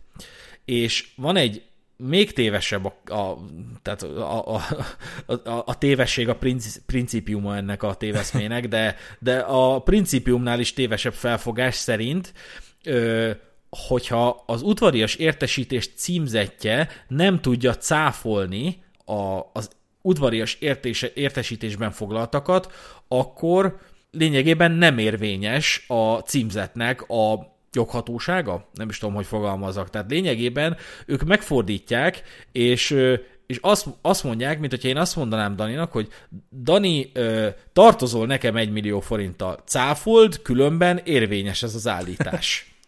És akkor nyilván a Dani azt mondja, hogy hát Rezső, nem tartozok neked egy millió forinttal. Ez nem, ez nem bizonyítja, amit állítasz. Ez, amit én állítok. Ez nem bizonyítja. Szerintem meg tartozol. Tehát, hogy megfordítják a dolgot, és, és, és, és a címzettől várják el a cáfolatot, a cáfolatig pedig fenntartják azt, amit állítanak, és érvényesnek tekintik, de hát a valóságban ö, a vádat terheli a bizonyítás egyébként. Nekem ez kicsit olyan, mint amikor gyakorlatilag fogod, és egy ilyen, ilyen Uno visszakártyát ledobsz az asztalra, körülbelül annyira hatásosnak tűnik így ránézésre. Akár azt is megcsinálhatnák. És akkor ugye a másik művelet az a cáfolati nyilatkozat, amit én először azt hittem, hogy ők küldenek el, de rájöttem, hogy a, a szervektől várják. Lényegében a felszólított szervnek kellene elküldenie, de ugye nem fogja. Tehát nincs az a normális szerv, szervezet, vagy intézményvezető, vagy bárki, aki kitölt egy ilyen hülyeséget, hogy cáfolati nyilatkozat. Persze, ha kitölteni, akkor se fogadnák el, mert nem a, nem a UCC-t hivatkozta meg, de Nyilván ezeknek a műveleteknek az az egyetlen célja, hogy végre leírják ezek a rohadt intézmények nekik, hogy UCC, mert akkor lesz hivatkozási alapuk. Tehát csak egyetlen egy közintézmény ö, írja le valamilyen határozatába, hogy a UCC alapján így meg úgy ezt egy évszázadon keresztül fogják lobogtatni, hogy a Karakoszörcsögi járási hivatal leírta, hogy UCC szóval ez egy létező és, és hivatkozható jog, jogforrás de, de olyan, mintha erre menne rá az egész ö, működésük, hogy írjon már le valaki, hogy UCC, valaki cáfolja, csak, csak, csak, csak azt három betűt írjad már oda a határozatodba, hogy UCC, és már a kommentekben is láttam, hogy már, már kamu ö, kamu a bírósági ítéleteket hivatkoznak meg, hogy ide leírta, ide leírta a bíróság, hogy UCC, ide leírta, és persze nem találtam meg sehol se, a bíróság.hu legalábbis nem volt fent az a vonatkozó ítélet, de, de látványosan ö, ö, hivatkozási alapot akarnak ö, megteremteni ezzel. Az érdekessége még ennek a folyamatábrás történetnek, hogy, ö, hogy van egy szakasza, amikor ők küldenek számlát a, a banknak. Tehát, hogy, hogy a, az udvarias értesítés és a cáfolati nyilatkozat várása közé beékelődik egy történet, amikor a, úgy szól a, az instrukció, hogy, hogy, hogy, hogy küldje számlát a, a banknak. Igaz, te tartozol neki, de küldje számlát, mert ugye az alter egóthoz tartozik valami pénz, amivel ő tartozik neked, és küldje számlát, ha nem fizeti ki, meg nem reagál, akkor küld el újra. És szépen levezetik, és és ott a folyamatábrában végig ö, fenntartják annak a lehetőségét, hogy ha elfogadja a bank, akkor siker, nincs több dolgod, már csak várni kell a, a, a, a jóságot, a javakat, de persze senkinek nem sikerült ez még. Következő állítás, hogy 2012. december 25-ével minden adósság eltörlésre került. Na ezt is döntsük meg egy picit. Tehát állításuk szerint 2008-ban megalapult az úgynevezett OPPT, ez a One People's Public Trust nevű szervezet. Ezt ők úgy állítják be, mint valami karhatalom, valójában ez egy legjobb esetben is csak egy mozgalom, és elmondásuk szerint ez tárta fel ezt a nagy-nagy globális átverést, ami mögött a gyékember zsidók állnak, de hogy ennek három alapító tagja van, akik a Freeman on the Land nevű mozgalomból érkeztek, ez az abszolút gyökere a, a, a joghatóság tagadásnak, most így mondom általánosan, de ez még a Sovereign Citizens-nél is régebbi, meg, meg, meg a Sovereign Citizens-be is ez a, ez a három maki volt, és lényegében ők hiszik azt, tehát ők az OPPT-sek, bocsánat, a Freeman on the Land hiszi azt, hogy csak akkor vonatkoznak rád a jogszabályok, ha hozzájárulsz. És nagyon kellemetlen videók vannak fönt a neten, amikor is megállítanak egy embert, egy sima igazoltatás, semmi egyéb dolga nem lenne, csak odaadni a jogosítványát. De elindítja a kamerát, majd valami másik telefonon lehúzza ugye egy centire a, a, a, az ablakát, és gyakorlatilag elkezdi nyomni ezt a sok baromságot, uh-huh. hogy a, nincs joghatósága, mert az admirális jog az irányadó, és különben is a konfederáció alkotmánya van hatályban, és önnek nincsen joghatósága, és igazolja, igazolja, ha nem cáfolja, akkor érvényesnek fogadja el, és hát ezeknek a történeteknek az lesz a vége, hogy a rendőrök bezúzzák az ablakot, majd kirángatják őt a kocsiból, és ő csak azt, idé, azt ismételgeti, hogy nem járulok hozzá, nem járulok hozzá, nem járulok hozzá, de végül ez nem menti meg, értelemszerűen, de legalább van tartalma, amit pörgethet, hogy nézzétek meg, testvérek, nézzétek meg, hogy hogy él vissza a jogaival a rendőr. Tehát arról van itt szó, hogy ez az OPPT, ez csinált egy ilyen git egyletszerűséget magából, tehát Magyarországon is a, Magyarország tagadók imádják ezeket a magyar állam tulajdonosai, meg ilyen, ilyen, ilyen gittegyleteket, amiknek még, még nem, tehát ha legalább egy egyesület lenne, tehát ha legalább 5-10 embert összeszednél, majd elmennél a bírósághoz, az bejegyeztetnél, mint civil szervezet, tehát ahhoz el kell menni a bírósághoz, úgyhogy ezek, ezek legjobb esetben is csak gittegyletek, de inkább azt mondanám mozgalmak, csak, csak szervezettséget sugalnak, mert olyan az elnevezésük, meg hasonlók, és ezekkel a git egyletekkel kikiáltanak dolgokat, ahogy az OPPT-vel is tették, és az OPPT nevű git elmondásuk szerint felszámolta az összes kormányt és bankot, és mindig hangsúlyozzák ilyenkor, amikor ezt közlik, hogy törvény erejénél fogva, meg hivatalosan, meg jogszerűen, de a valóság nem is lehetne távolabb, bocsánat, ez nem is lehetne távolabb a valóságtól, mert, mert mondom, ez olyan, ez kicsit olyan, mint hogyha Danival összeállnánk, és megalapítanánk Rezsőszláviát. És mondanánk, hogy most már nincsen Magyarország, mert Rezsőszlávia van, én vagyok az államfő, Dani a miniszterelnököm, első intézkedésem egyikeként elrendelem, hogy mostantól mindenki jogosult egy X1-es osztályú űrhajóra, aztán egy év múlva meg a hallgatóink elkezdik pörgetni azt, hogy te nem tudtad, hogy nincs már Magyarország, mert Rezsőszlávia van, és különben is miért nem igényled meg az űrhajódat, az alanyi jogon jár neked. Mert a Dani meg a Rezső érvénytelenítették a Magyarországot, egyébként sincsen már tartozásod, meg nincsen semmilyen kötelezettséged, mert Rezsőszlávia van. Tehát attól még nem lesz Rezsőszlávia, hogy a Szürke Zóna podcast ki kiáltotta. Na és hát ugye ez a dátum csak azért fontos neki igazából, mert, mert ehhez kötik azt a, azt a eseményt, hogy innentől kezdve nincsen hadóság, nincsen legitim államhatalom, tehát gyakorlatilag ki akarnak iratkozni a a, hogy is mondjam, az államigazgatásból való kapcsolódásukkal. És ilyenkor mindig van egy ilyen érzete az embereknek, embernek, hogy ez egy ilyen hippi brigád, hogy így igazából csak akarnak egy kolóniát valahol, és nyilván van egy ilyen lappangó vágyuk, hogy egy picit nem szeretnének adót fizetni, egy picit szeretnének közel kerülni a természethez, uh-huh. kicsit vissza akarnak jutni oda, onnan az őseink jöttek. Én ezt abszolút megértem, csak nincs pariba ez a, a, azokkal a dolgokkal, amiket csinálnak, hogy trollkodnak, hogy ö, eljárásokat provokálnak, hogy a gyerekeik kárára flexelik a, a hitvallásukat, mi szerint nincsen legitim államhatalom. Tehát ez, ez, ezt én nem igazán tudom tolerálni. Igen, és hát ugye ott van a nagy ö, igazság, hogy de ők, tehát nem a Magyarország tagadók, hanem ők, a pikkelyes karvai zsidók nem akarják, hogy megtud ezt a nagy igazságot, mert hát az a hatalmi rendjüknek a bedőlésével járna, tehát megint itt van a, meg, megint itt van a háttérhatalom, a megnevezhetetlen, a ellenség, kinek nem mondjuk ki a nevét, aki a világrendnek a, a fenntartója, és a pénz, és a magyarok elnyomás, és az üldözés, és a Siriusról származunk, és a jurta űrhajókkal idejöttük, a Szir- tehát itt, itt kötünk ki, hogyha Magyarországon picit lejjebb a Magyarország tagadásban és az egyik legundorítóbb ö, reakciójuk, meg ö, vonatkozásuk, hogy gyakorlatilag téged bélyegeznek tudatlannak, ha cáfolod ezeket a dolgokat, vagy, vagy cáfolni próbálod, ugyanakkor beveszed, hogy van még adósságod, meg, meg létezik még olyan, hogy Magyarország, meg hasonlók, tehát, tehát nem, azok az, nem azok a tudatlanok, akik gitejleteket alapítanak,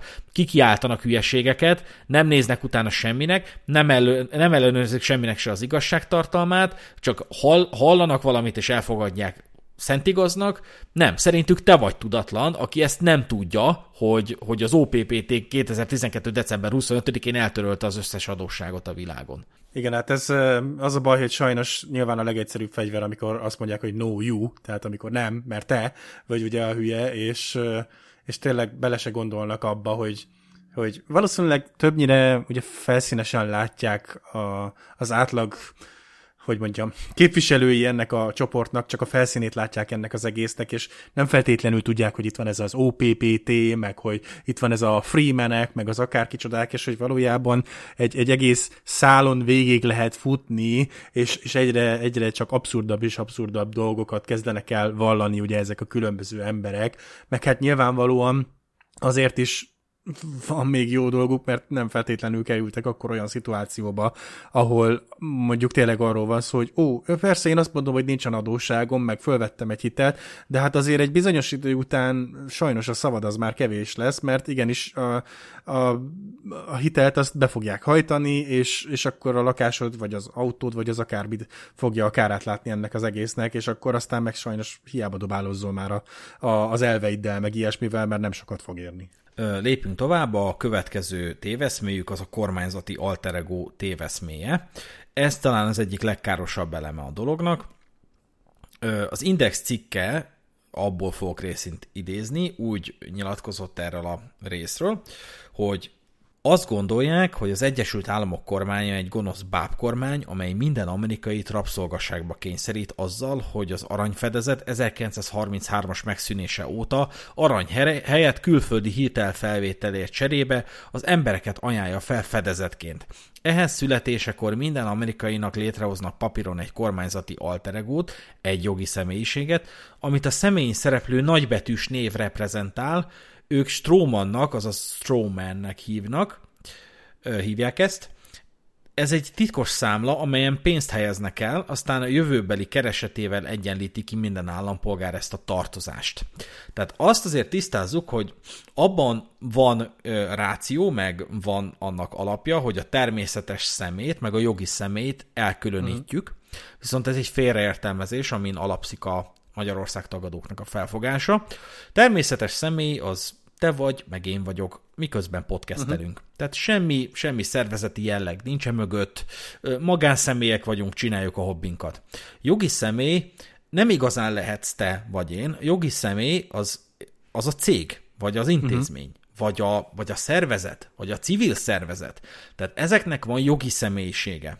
Jogi egyetemen azonnal kivágnak, amikor azt mondod, hogy a jogi személy az a ügyész, ügyvéd, efélék, de ezt egyébként még a filmekben is rendszeresen elcseszik, hogy, jog, hogy ön egy jogi személy, de jogi személy az nem lehet természetes személy, jogi személy az csak is szervezet lehet. És ennyi, tehát ennyi a történet. Az embernek, a magánszemélynek nincsen jogi személyisége, attól nem tud elkülönülni, és ha el is különülne, ez az elkülönültség nem ö, manifestálódik a személy szereplő nagybetűs névben, tehát jellemzően azért van nagybetűvel a személyiden, meg ilyen dokumentumokban a neved, mert, mert olvashatóbb, értelmezhetőbb, nem folynak össze annyira a betűk. De értelmszerűen ennek nincs olyan alapja, hogy gyakorlatilag a húsvér szelfettől elkülönülni egy jogi személyiség, ami, amit a nagybetűs neved reprezentál. Meghallgattam egy-két nyilatkozatot a videóikból, különösen akkor, amikor tárgyaláson vannak, és ugye a legtöbb ilyen bírósági tárgyalást ők azzal nyitnak, hogy felolvasnak egy ilyen nem tudom hány oldalas kiáltványt, és azt átadják, tehát mindig ez a mániájuk, hogy vegye át a bíró, írja alá az átvételt, kerüljön hozzá, most már tudja, nyilván a cáfolati paradoxonra visszavezetve van ez a mániájuk. És az volt az egyik ilyen nyilatkozat, amit hallottam, hogy én törvényesen és legálisan vagyok abszolút szabad és adósságmentes, megtestesült öröklény, aki XY-ként is érzékelhető. Uh tehát ez a megtestesült öröklény nekem picit meredek volt, de láthatjuk, hogy azért a kereszténység témaköre sincs teljesen távol ettől a, ettől a konteótól, de inkább az ilyen ős keresztény, ilyen Ádámtól, Évától származó kereszténységről van itt szó.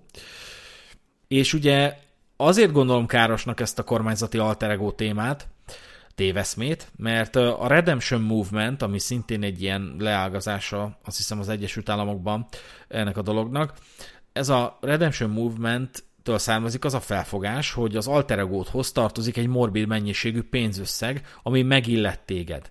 És ezt, ezt ugye egy csomó ilyen UCC sámán nem vallja. Tehát például egy magyarországi UCC sámán azt vallja, hogy ezt, ezt nem kell visszaigényelni, itt nem arról van szó, hogy ezt, ezt, ezt be kell igényelni, aztán ezt elköltheted, hanem pont a, ennek az lenne a lényege, hogy nem igényled vissza, mert nem a tiéd, meg nem az mm. övék, hanem, hanem a föld, a, az ásványi anyagok, a kincsei, azok mindenki arra nem, nem teheti rá a kezét egyetlen szervezet sem, egyetlen bank sem. Valaki ezt szeretné kifejezni, de ugyanakkor egy csomóan azt, azzal áltatnak téged, hogy van egy rahedli pénzed, ami megillet téged, csak nem látod a módját, hogy hogyan érvényesíts, de ez kamu. Hmm néhányan meg akarják szerezni ezt a pénzt, vagy erre hivatkozva próbálnak tartozásokat csökkenteni, teljesíteni, nem áll messze tőlük az, hogy hivatalos iratokat hamisítanak, hogy hozzáférjenek az alter egójukhoz tartozó pénzösszeghez.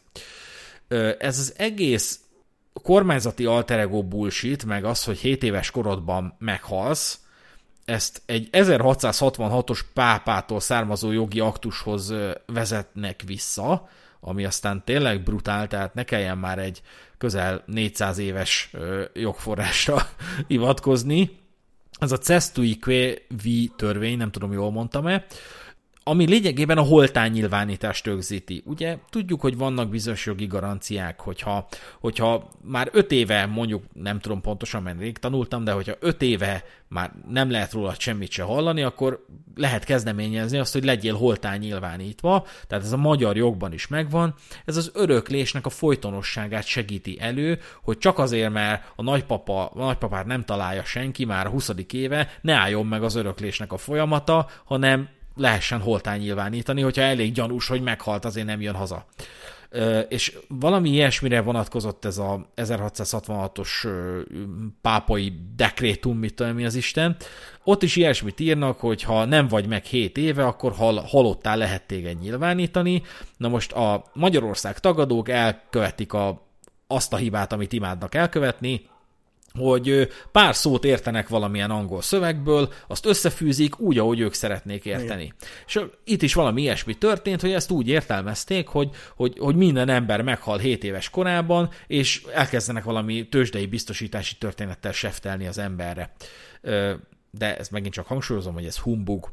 És most idéznék valamit, amit az egyik ilyen fórumból írtam ki, ami kicsit tényleg meredekké, meredekké teszi ezt az egész történetet ö, idézek, 1302-ben 8. Bonifác pápa gondolta ki, hogyan lehet belőlünk hasznot húzni és rabszolgát csinálni.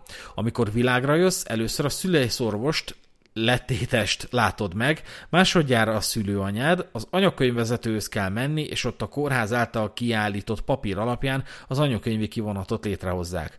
Az újszülött korlap kiállítása után a vámszabad rakományt, méhlepény, a birodalmi leltár vagyonháztartásába regisztrálja, és addig felel azért a rakományért az 1666-os Cestui Quevi törvény szerint az állam, amíg a valódi tulajdonosa nem jelentkezik érte kártérítési formában, magzat plusz lélek.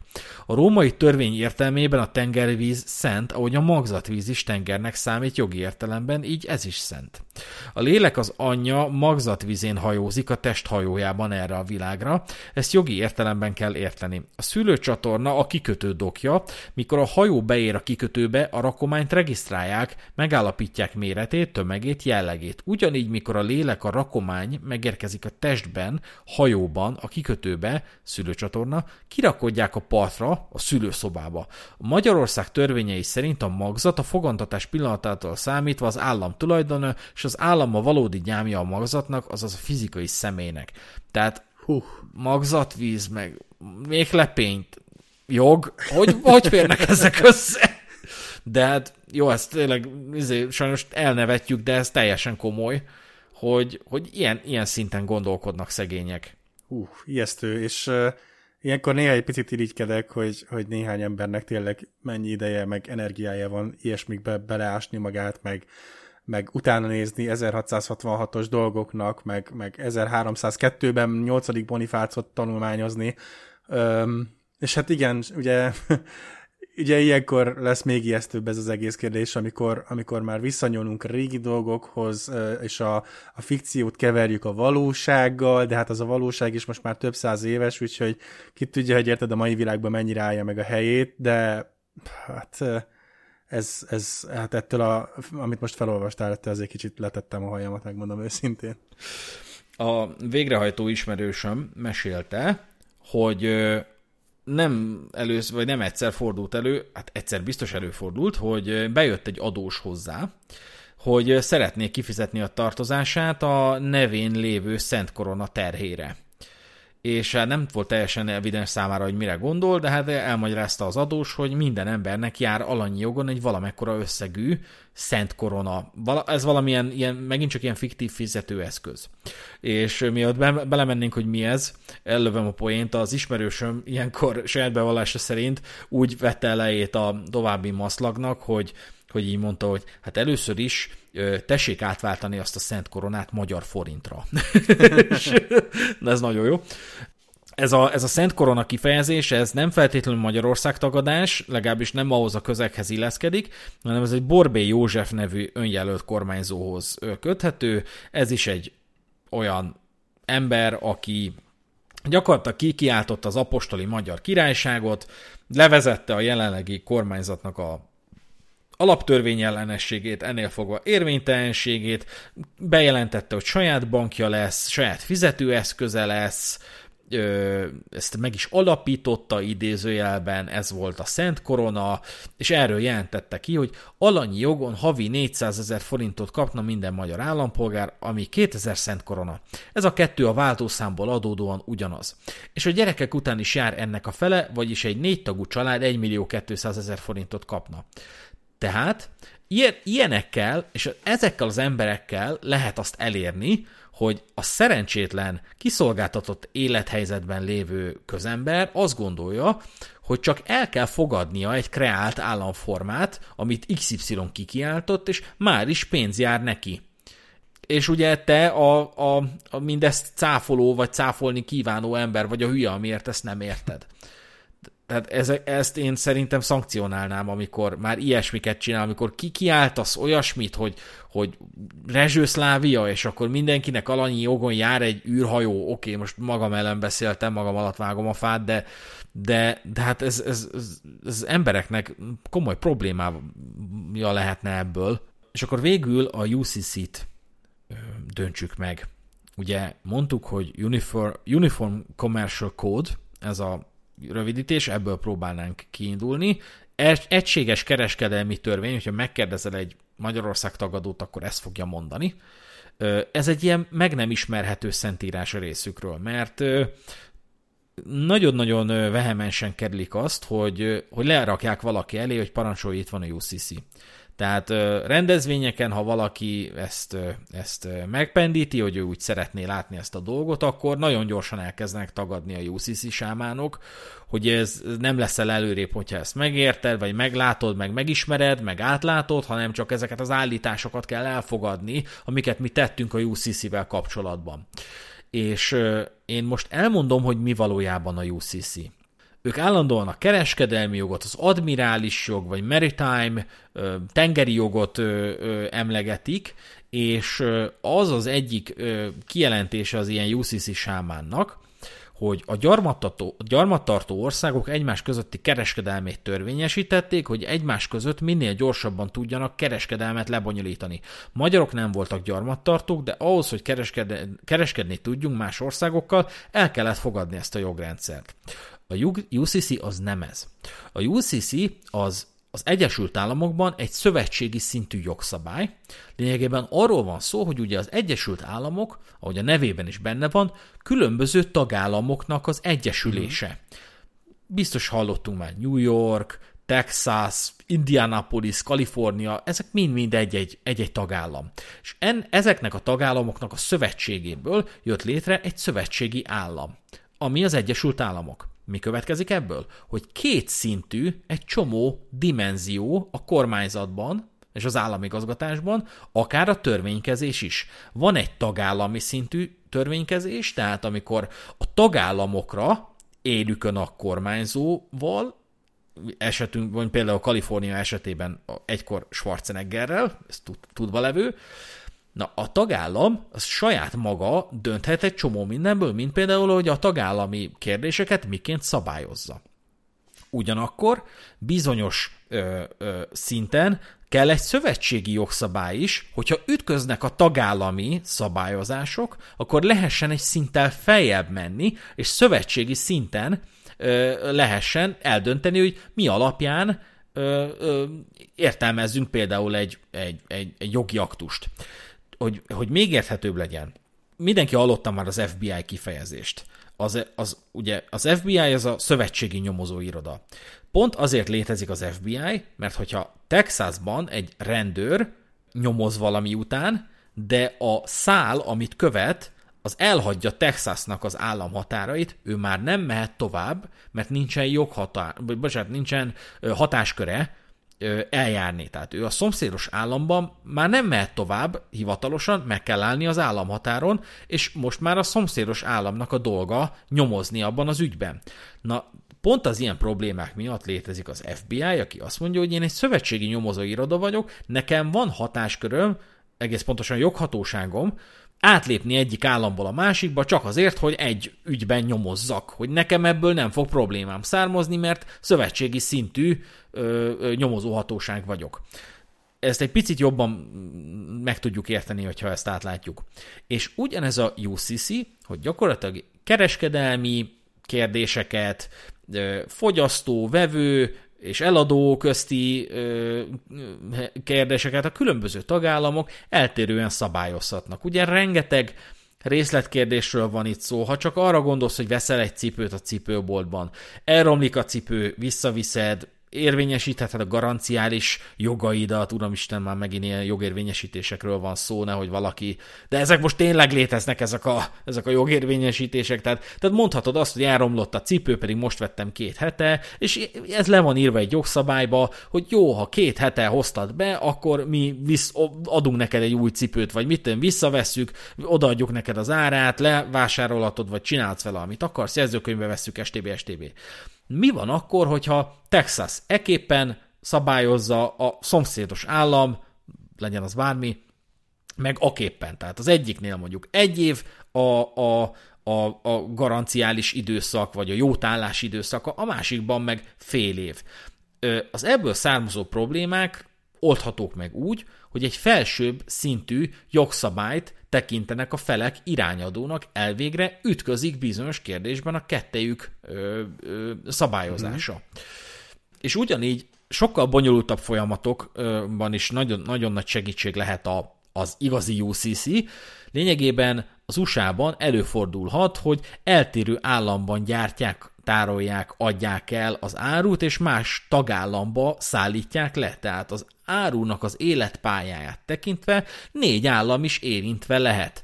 Akkor felmerül a kérdés, melyik tagállamnak a joga szerint járjunk el, ha bármilyen probléma van az áruval, vagy adott esetben garanciális kérdéseket akarunk tisztázni, vagy az abból fakadó jogokat akarjuk nevesíteni. És ilyenkor lehet azt mondani, hogy kérem szépen szövetségi jogszabály.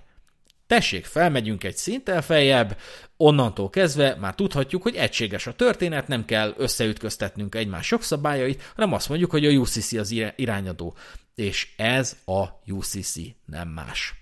Legalábbis az én kutatásaim eddig a szintig jutottak el, de biztos vagyok benne, hogy ha az lenne a UCC, amit a Magyarország tagadók állítanak, akkor arról tudnék.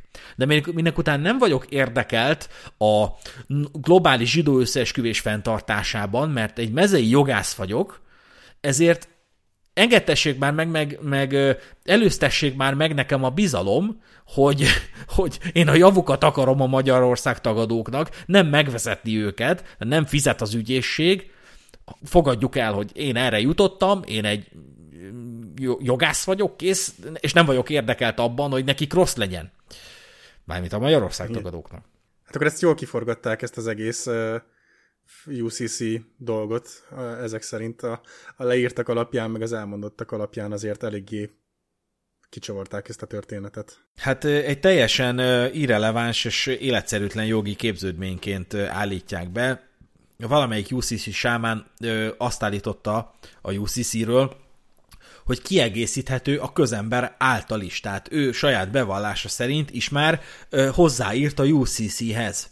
Tehát nincs olyan jogszabály, amit a közember ki tud egészíteni, de minek után mondom, ez egy olyan jogi képződmény, amit soha nem fogsz tudni leellenőrizni, mert mindig, amikor ha leraknád eléjük, eléjük az igazi UCC-t, közölnék, hogy ez nem az a UCC hogy, hogy, hogy, hogy hülye vagyok, amiért a Uniform Commercial Codexra gondoltam, amikor ők a United Customs Code-ra gondoltak. Tehát van, ez egy ilyen, ez egy ilyen olyan szentírás a számukra, ami mindig változik, de sose lehet elérni, mert ha megismernéd, akkor leolvadna az arcod ugyanúgy, mint az Indiana Jones végén a náciknak.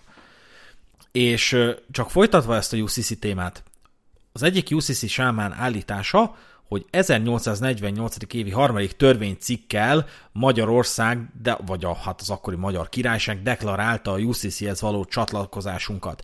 Meg lehet nézni a törvénycikkeit? Nem, ez nem igaz. Tehát nincs, nincs a törvénycikkeiben ilyen, megnéztem, és megint csak mondom, nem vagyok érdekelt a megvezetésükben az embereknek. Állítás a következő. A UCC felülírja az adott ország törvényeit. Ez megint csak nem igaz, mert az alkotmány van a, a, az igazgat, bocsánat, a jogszabályi hierarchia csúcsán.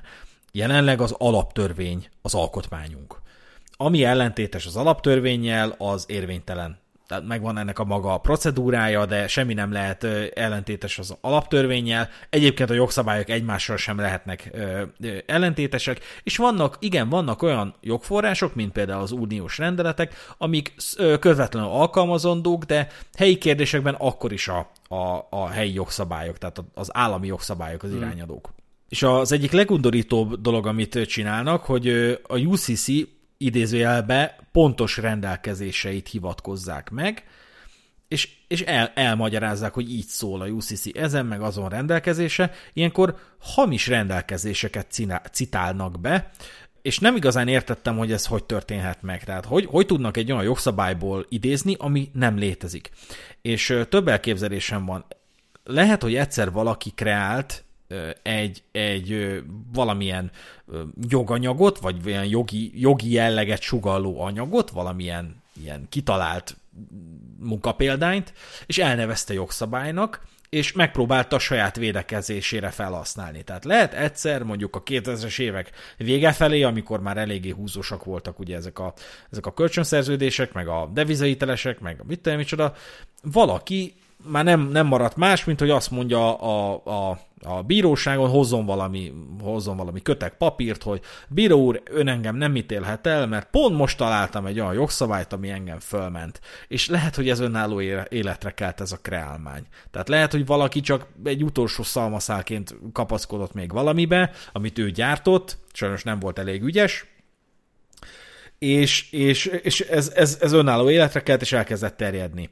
Van még egy elméletem, lehet, hogy valaki megnézte az igazi UCC-t, de minek után nem tudott nagyon angolul, viszont néhány szót felismert, és tudta értelmezni, fogta, és összefűzte ezeket a kifejezéseket, amiket értett, és úgy fűzte össze őket, hogy a saját javára. Tehát megpróbálta úgy értelmezni ezeket a dolgokat, hogy, hogy az, az, az, az, az ő elképzeléseit segítse, azokat támogassa. Tehát, tehát mint ami a 7 éves korodban meghalsz mm-hmm. koncepció mentén történik. Nem halsz meg a 7 éves korodban, de valaki ezt olvasta ki a 1666-os pápai dekrétumból. És én elgondolkodtam azon, hogy mit szólnának a Magyarország tagadók, hogyha hallanák ezt, a, ezt az érvelést, amit itt levezettem. Ö, először is nyilvánvalóan mondanák, hogy de hát ott van, meg kell nézni, ott van fönt az interneten, rá kell klikkelni op.harmoniában.org, és ott van fönt, hogy a UCC így meg úgy. Tehát az ők felfogások szerint ez pontosan le van írva, ez ott van, ezt nem is kell cáfolni, mert ez ott van. Az a meglátásom, hogy nem igazán engedik be a, az érvelést, és nem teljesen értem, hogy miért, csak sejtem, hogy hinni szeretnének ebben. Mint, mint említettük, a UCC hívők jellemzően károsultak, devizakárosultak, nagy összegű hitelt törlesztők körül kerültek ki, kerülnek ki, néha ugye adóelkerülők is, de többnyire olyan emberek ezek, akiknek nem maradt más, csak ez. És itt most szeretnék beidézni egy cikket, amit a Forgókínpad nevű blogoldalon olvastam, Szele Tamás tollából, ez a Szellemtánc. Szellemtánc Magyarországon talán ez volt, sonózba elhelyezzük. És rendkívül pontosan vezeti le, hogy, hogy hova vezethető vissza ez a, ez a, ez a téveszme. Lényegében elmagyarázza, hogy a, az úgynevezett lakota törzs tagjait annó, talán az 1800-as években az Egyesült Államokban beetette a sámánja, hogy a fehér embert tánccal lehet elűzni és hát mindenki bőszen elkezdett táncolni, mert az volt az ígéret, hogy előbb-utóbb jönni fog egy nagy vörös felhő, és elviszi az összes fehér embert. Ugye a 1800-as években a indiánoknak drasztikusan elkezdett romlani a helyzete, tudva levő, és hát lényegében a, a, a kihalás közeli állapot plusz a, a rezervátumokban és kaszinókkal való kifizetettség állapotába ö, tendáltak, és ez elkerülhetetlen volt. Lényegében, ha volt is kultúrájuk, az megszűnt létezni, vagy megszűnő félben volt.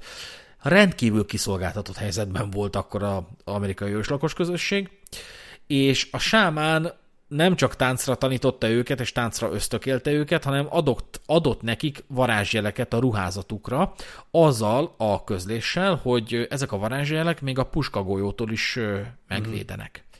És ezek az indiánok elhitték a sámánnak, mert annyira kiszolgáltatott helyzetben voltak, hogy nem maradt más hátra, mint hogy ilyen hülyeségekbe kapaszkodjanak. Tehát amikor már nem tudsz hova hátrálni, már nem maradt több lehetőséged, eszed nincs ahhoz, hogy tud értelmezni azt, ami a bíróságon történik, és még ha tudnád is értelmezni, akkor is rájönnél, hogy nem neked van igazad, hanem a bírónak, meg az ügyésznek, meg a felperesnek.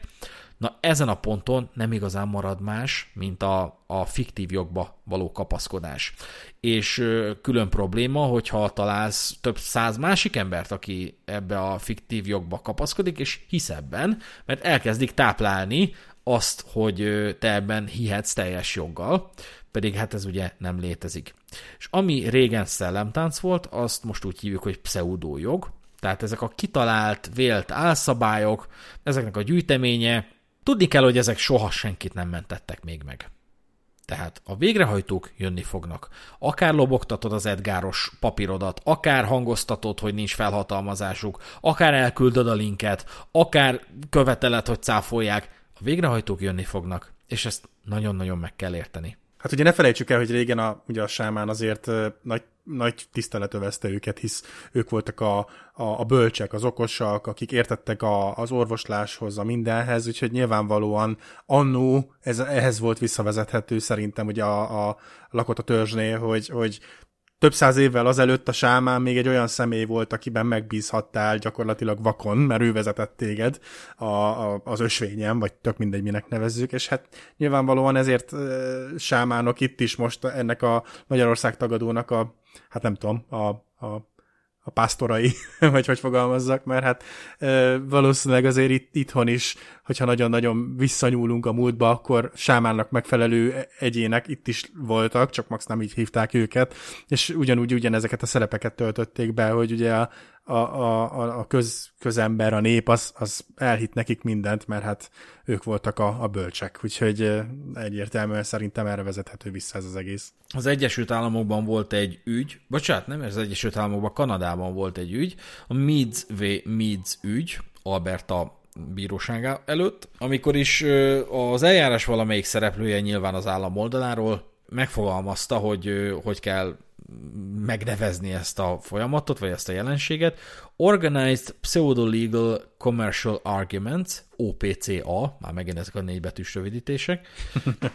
Lényegében így nevezte el ezt a pseudojogi érvelést, amiről, ha jól emlékszem, ő meg is jegyezte, hogy ez aztán senkit, de senkit nem ment meg. Azt gondolom, ezeknek a játékoknak a Conteo hívő tud csak a vesztese lenni, nyertese viszont több is lehet. Egyrészt akinek tartozik az, az adós, például a bank, vagy ugye a, a, a, az állam, a felperes, a követelő, a, tehát aki, aki az állami oldalról van, és elvárt tőle valamit. Ez az egyik kategóriája a nyerteseknek. A másik kategóriája pedig a UCC sámán, aki betette az adóst, vagy a, kiszolgáltatott helyzetben lévő embert a pseudo joggal.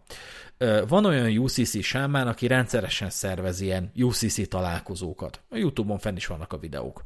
Ezekre a rendezvényekre 5000 forint a belépő. Hát azért mozizni nem jutsz el, vagy mozizni is eljutsz 5000 Igen. forintból. Sőt, családi kedvezmény is van, 2500 fő, hogyha ketten jöttök sőt a saját kis bizniszét is ott pörgeti, elérhetővé teszi az árut, amivel kereskedik, szóval abból is jöhet bevétel. Tehát nincs kétségem a felől, hogy ezt, ezt a ezt a közösséget, ezt elkezdi monetizálni a UCC sámán, ahol tudja. Mert a szekták így működnek, hogy először csak belépő, de utána már a bevételek 10%-a, és valahogy meghivatkozzuk, levezetjük majd a Bibliából. A Bibliából mindig mindent le lehet vezetni. A kommunizmus is sikerült már, a nácizmus, a tömegmészárlást, ez se lesz nehéz. És ha még nem is erről van szó, tehát hogyha mondjuk öt év múlva engem az a kritika ér, hogy miért mondtad Rezső, hogy ezek, ezek ki lesznek zsákmányolva a, a sámányaik által ezek az emberek, akkor én meg azt fogom gondolni, és azt fogom mondani, hogy ugyanakkor meg ezek az emberek talán nem a pénzzel lettek gazdagabbak, már mint a sámánok, hanem a, hanem a szektával. Uh-huh. Ugyanis képződött egy embertömeg, aki minden szavukat kritika nélkül elfogadja. És már megint itt vagyunk a szürke zóna egyik alapvetésénél, mi szerint kritika nélkül elfogadunk rengeteg dolgot, nincs lehetőség a vitának, vitára. Szektának gondolom egyébként a Magyarország tagadókat végső soron, abból a szempontból, hogy a szektáknak az elsődleges tulajdonsága, hogy nem illethetett kritikával sem a szektát, sem a hitvallást, sem a szektavezetőt. Ha így teszel, kirekeszt magából a szekta. Na most az ilyen UCC fesztiválok, amikről beszélni fogunk a következő epizódban, sőt még a szervezőikről is, ezek a szervezők a fesztiválok elején el is mondják nem egyszer, ki is jelentik, hogy, hogy nem tűrik a bomlasztókat. Konkrétan úgy fogalmazza meg az egyik, hogy karvaj zsiráfoknak nincs itt keresni valójuk. Nem vagyok benne biztos, de lehetne egy tippem, akkor tudom, hogy mire gondolt a karvaj zsiráf alatt. És hogyha ilyen van, akkor ki fogja tenni őket. Tehát elég érezhető, hogy, hogy a szkeptikusoknak nincs ott keresni valója. Tehát itt, aki szkeptikus, az a karhatalomnak az embere, a bankoknak a megbízott ügynöke, és, és egy a fo- fo- funkciója, hogy bomlassza a közmeggyőződést, tehát lehetőségünk van kirekeszteni a bomlasztókat, és csak a magunk kis híveivel feltölteni ezt, a, ezt az embertömeget, és előbb-utóbb ez az embertömege szektává képződik. Igen. És nagyon érdekes volt megnézni, megint csak a következő epizódban fogjuk kitárgyalni, de az egyik ilyen UCC sámán asszony egy előadása során egy nő a tömegben, tehát a közönségből elkezd kérdéseket föltenni a UCC-ről, hogy ez micsoda, hogy kifogadta el, meg hol van a, annak a székhelye, aki elfogadta, egész egyszerűen próbál, próbál valamilyen alakot, meg valamilyen címet keresni ahhoz, hogy, hogy megértse, hogy ez nem csak egy hárombetűs kifejezés, amivel dobálózunk, hanem ez egy tényleges dolog. Értelemszerűen alakot akart adni annak a lappangó gonosz energiának, akit a sámánok, vagyis mondjam, akinek a sámánok a UCC-t tulajdonították. De ugye a sámánasszony nem tud válaszolni ezekre a kérdésekre, tehát, tehát kijelenti, hogy nem tudja megmondani, őt igazából nem is érdeklik ezek a részletkérdések, neki bőven elég, ami itt van a papíron, és körülbelül a harmadik kérdésnél látványosan dübegorul, és felteszi a kérdést a nőnek, aki kérdezget, hogy minek kell ez neked? Nézz utána, ne, nem az a lényeg, amit kérdeztél, hanem az a lényeg. Tehát a szkepticizmust nagyon durván üldözik ezek, ezekben a, ezeken a rendezvényeken. És ez megint csak a szektává aljasodásnak egy nagyon érzékelhető jele, és ha más, ha más nem marad meg ebből, akkor maradjon ez meg, hogy onnantól kezdve, hogy, hogy nem kérdőjelezhetsz meg semmit egy, egy közösségben, szekta vagy. És ugye nagyon furcsa, hogy az a hitvallásuk ezeknek az embereknek, hogy az állam tulajdonjogot akar formálni fölötted, de pont nem az állam lesz az, aki tulajdont formál fölötted, hanem a szekta és a szekta vezető. Uh-huh. Elbirtokolják a lelkedet, elbirtokolják a személyiségedet, és hogyha megmered kérdőjelezni azt, amit csinálsz, csinálnak, akkor akkor kirekesztenek téged, apostatává minősítenek, tíz év múlva is üldöznek. Nem, nem tényszerűen, nem, nem ténylegesen, hanem elátkoznak, más szekta esetén imakommandókat szerveznek, és ellened imádkoznak, nem felejtettik el, és nem hagyják elfelejteni, hogy te akkor ott elárultad őket.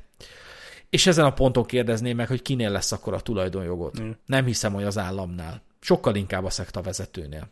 És ezen a ponton gyakorlatilag újra kell majd építened a személyiségedet a nulláról, mert a szekta teljesen átalakította a preferenciáidat, gyakorlatilag a személyes, személyiségedet ö, behelyettesítetted a szekta személyiségével, viszont az kivetett magad magából, ott leszel egy személyiség nélküli ember, aki bolyong a világon, és elmész egy pszichológushoz, hogy legalább az segítsen, de azt viszont nem fogja érteni azt, hogy, hogy leglényeg, meg, meg UCC nem fog, nem fog tudni dolgozni azokkal a kifejezésekkel, amikre te a meggyőződésedet alapozod és hatalmas bajba lesztek mindketten, és évtizedekbe is beletelhet az, hogy ezt rendbe hozd. Igen, és akkor hogy az ember milyen könnyen ugrik a, a, a kormányra, meg az államra, meg mindenre, hogy ugye meglopják őket, meg, meg elveszik a, a, a mindenféle jogukat, meg hasonló, és akkor ugyanakkor meg tényleg elindulnak egy ilyen úton, ahol ezekre a különböző rendezvényekre, meg mindenre csak úgy dobálgatják a támogatást, fizetik a több tízezer forintot, és, és észre se veszik, hogy, hogy valójában csak saját maguknak ártanak, meg adott esetben a családjuknak. És hát akkor még csak bele se gondoljunk abba, hogy amikor ugye, hát a, amiről majd beszélni fogunk, hogy az ember a, a gyerekeivel, meg, meg a, a rokonaival miket tesz ennek érdekében, hogy ezeket a, ezeket a nézeteit megpróbálja ráerőltetni másra. Na és akkor egy valomással tartozom még, ugye az epizód elején belengedtem, hogy van egy személyesebb kapcsolatom is ezzel a történettel. Az édesanyámnak van egy ö, háza, és azt albérletbe adja, és az albérlője az egy ilyen Magyarország tagadó.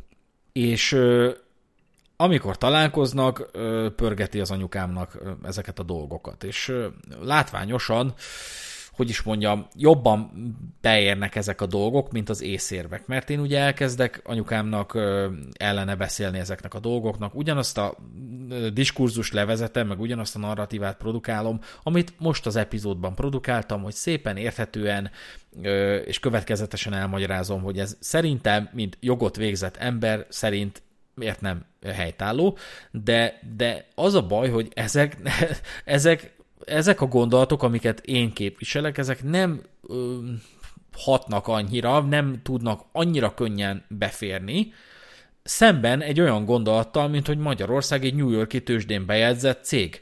Ez, ezzel egy csomó embert meg lehet vásárolni, mert egyszerű, tömör, és azt, azt, azt jelenti, amit hallani akarsz, hogy végre értem, hogy hol van itt a turpisság, végre elkaptuk a rohadékokat, kiderült, hogy az egész csak egy, csak egy vállalati ö, művelet, hogy meggazdagodjon az, aki már egyébként is gazdag. És ö, elmagyaráztam anyukámnak, hogy azért hallod, azért mondja az albérlőd ezeket a dolgokat, teljes meggyőződéssel, feltételezhetően azért, mert egy véleménybuborékba került be. És ugye ez a édesanyám korosztályának nem könnyű megérteni ezt a dolgot. Szerencsére az én édesanyám nem Facebookozik, de az albérlője nem is keveset. És ugye tudva levő, hogy a Facebook felhasználása során az algoritmus révén képződik egyfajta preferencia rendszer, ami a te profilodhoz illeszkedik. Lényegében az Facebook algoritmusa csak azokat a tartalmakat fogja neked feldobni, amik a te érdeklődési körödhez illeszkednek, legalábbis az algoritmus felfogása szerint. Feltételezem, hogy az albérlő többnyire ilyen tartalmakat nézegetett, ehhez illeszkedett a Facebook algoritmusa, és ma már nem, bármennyit is Facebookozik, bármit, bármit is csinál a Facebookon, de 99%-ban csak ilyen tartalmakat dobál fel. És aki nem tudja igazából mentálisan elhatárolni a Facebookot az internettől, annak az lehet a téves megélése, hogy a Facebook az internet, és az internet ezzel van tele. És ez, az, ez a helyzet egy picit könnyebben elvezetheti az embert arra a pontra, hogy az legyen a benyomása, hogy, hogy tömve van az internet azzal a teljesen evidens ö, valósággal, hogy Magyarország egy New Yorki tőzsdén bejegyzett cég. És biztos hallottátok azt, vagy ha nem hallottátok, akkor láttátok azt a Netflix dokumentumfilmet, a Social Dilemma cím alatt, amely elmagyarázza, sőt, talán abban hallottam azt az esetet, amikor ö, egy ember az Egyesült Államokban ö, sörétes puskával betört ö, egy McDonald'sbe, McDonald'sba, hogy, ö, hogy kiszabadítsa a pincéjében lévő ö, gyermekrabszolgákat. És ő egy ilyen véleménybuboréknak volt a, a, a fatális áldozata, tekintve a, a, minek után csak olyan információkat kapott a Facebookozás közben, ami ezt a megint csak egy ostoba összeesküvés elmélethez kötődik, hogy, hogy a, a McDonald'sok pincéjében gyermekrabszolgákat tartanak, teljesen benyalta, mert az volt a felfogása, hogy ez a valóság, elvégre az internet tele van vele, és ez tetlegességig fajult, hogy ő ment kiszabadítani ezeket a gyerekeket. Hát nagyon nehéz, ezt nyilván, tehát előre bocsátom, hogy ha, ha Magyarország tagadó UCC hívő hallgatja ezt az epizódot, vagy hallgatta, vagy hallgatni fogja a következő epizódot, akkor biztos vagyok benne, hogy ezek az érvek, amiket elmondtunk, nehezen jutnak le, mert van egy fő motivum, hogy ők hinni szeretnének ebben. De bízom benne, hogy azért valami, valami keresztül ment. Hát ugye én, én úgy gondolom, hogy azért van nehéz dolgunk nekünk erről, erről az oldalról, ahol mi vagyunk, mert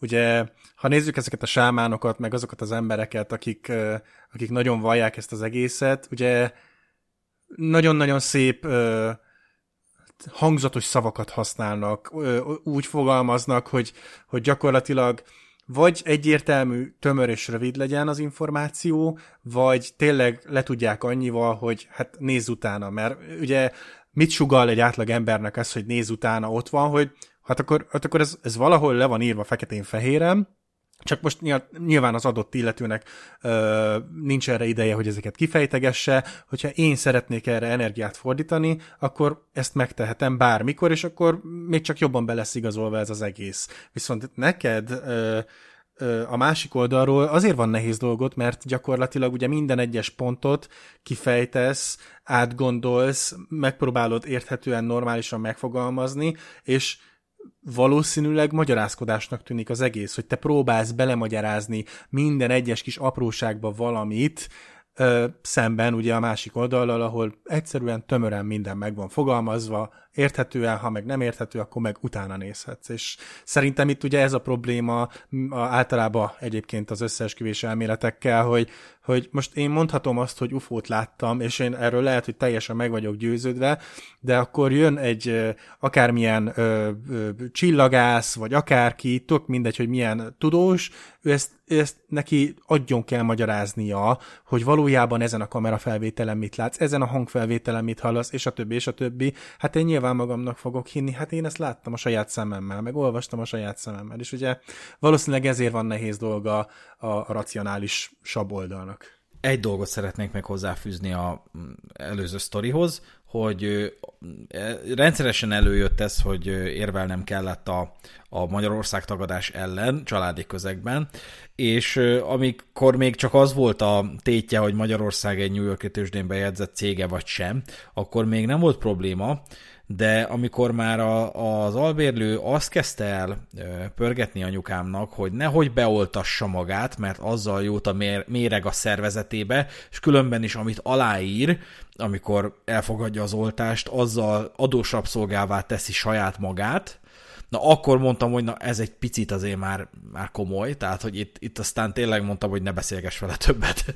Igen. És szerettem volna beszélni én ezzel az albérlővel, de nem veszi fel a telefont, és ha írtam, amikor írtam neki SMS-t, akkor azt válaszolta, hogy telefonon nem hajlandó beszélni. Nem, nem hiszem, hogy sejti egyébként, hogy miről akarok beszélni, de kérdeztem, hogy esetleg valamilyen titkos csatorna, hogy Telegram, Signál, mit tudom, micsoda, erre meg már nem válaszolt, úgyhogy talán teszek még egy kísérletet a következő adás előtt, és hogyha sikerül egy interjút kicsikarnom tőle, akkor abból megpróbálok egy használható tartalmat legyártani. No, a következő epizód az jövő héten érkezik, gyakorlatilag ki fogjuk elemezni azt a magyar esetet, amiről beszéltünk az epizód elején, a kiragadott dusnoki kisfiú esete, esetét, és beszélni fogunk a UCC sámánokról név szerint, és nem aggódunk emiatt mert ha bármi csúnyát is mondunk róluk, ahhoz minket be kell perelni, és a UCC alapján nem hiszem, hogy befogadja a keresetet a, a bíróság. de, de persze nyitottak vagyunk a nyílt vitára. No, köszönjük a figyelmet, ez volt a Szürke Zóna Podcast. Ja, ne felejtjétek, ma van a napja, amikor Rezsőszláviát kihirdetjük. Mostantól mindenkinek jár egy alanyi ogon egy űrhajó, egy X1-es űrhajó, úgyhogy azt, azt igényeljétek meg a, a, az államotoktól, ami nem is létezik, mert Rezsőszlávia van. Úgy legyen. És ez volt a Szürke Zóna Podcast. Köszönjük, hogy velet, velünk voltatok, maradjatok továbbra is követőink. Szervusztok! Sziasztok.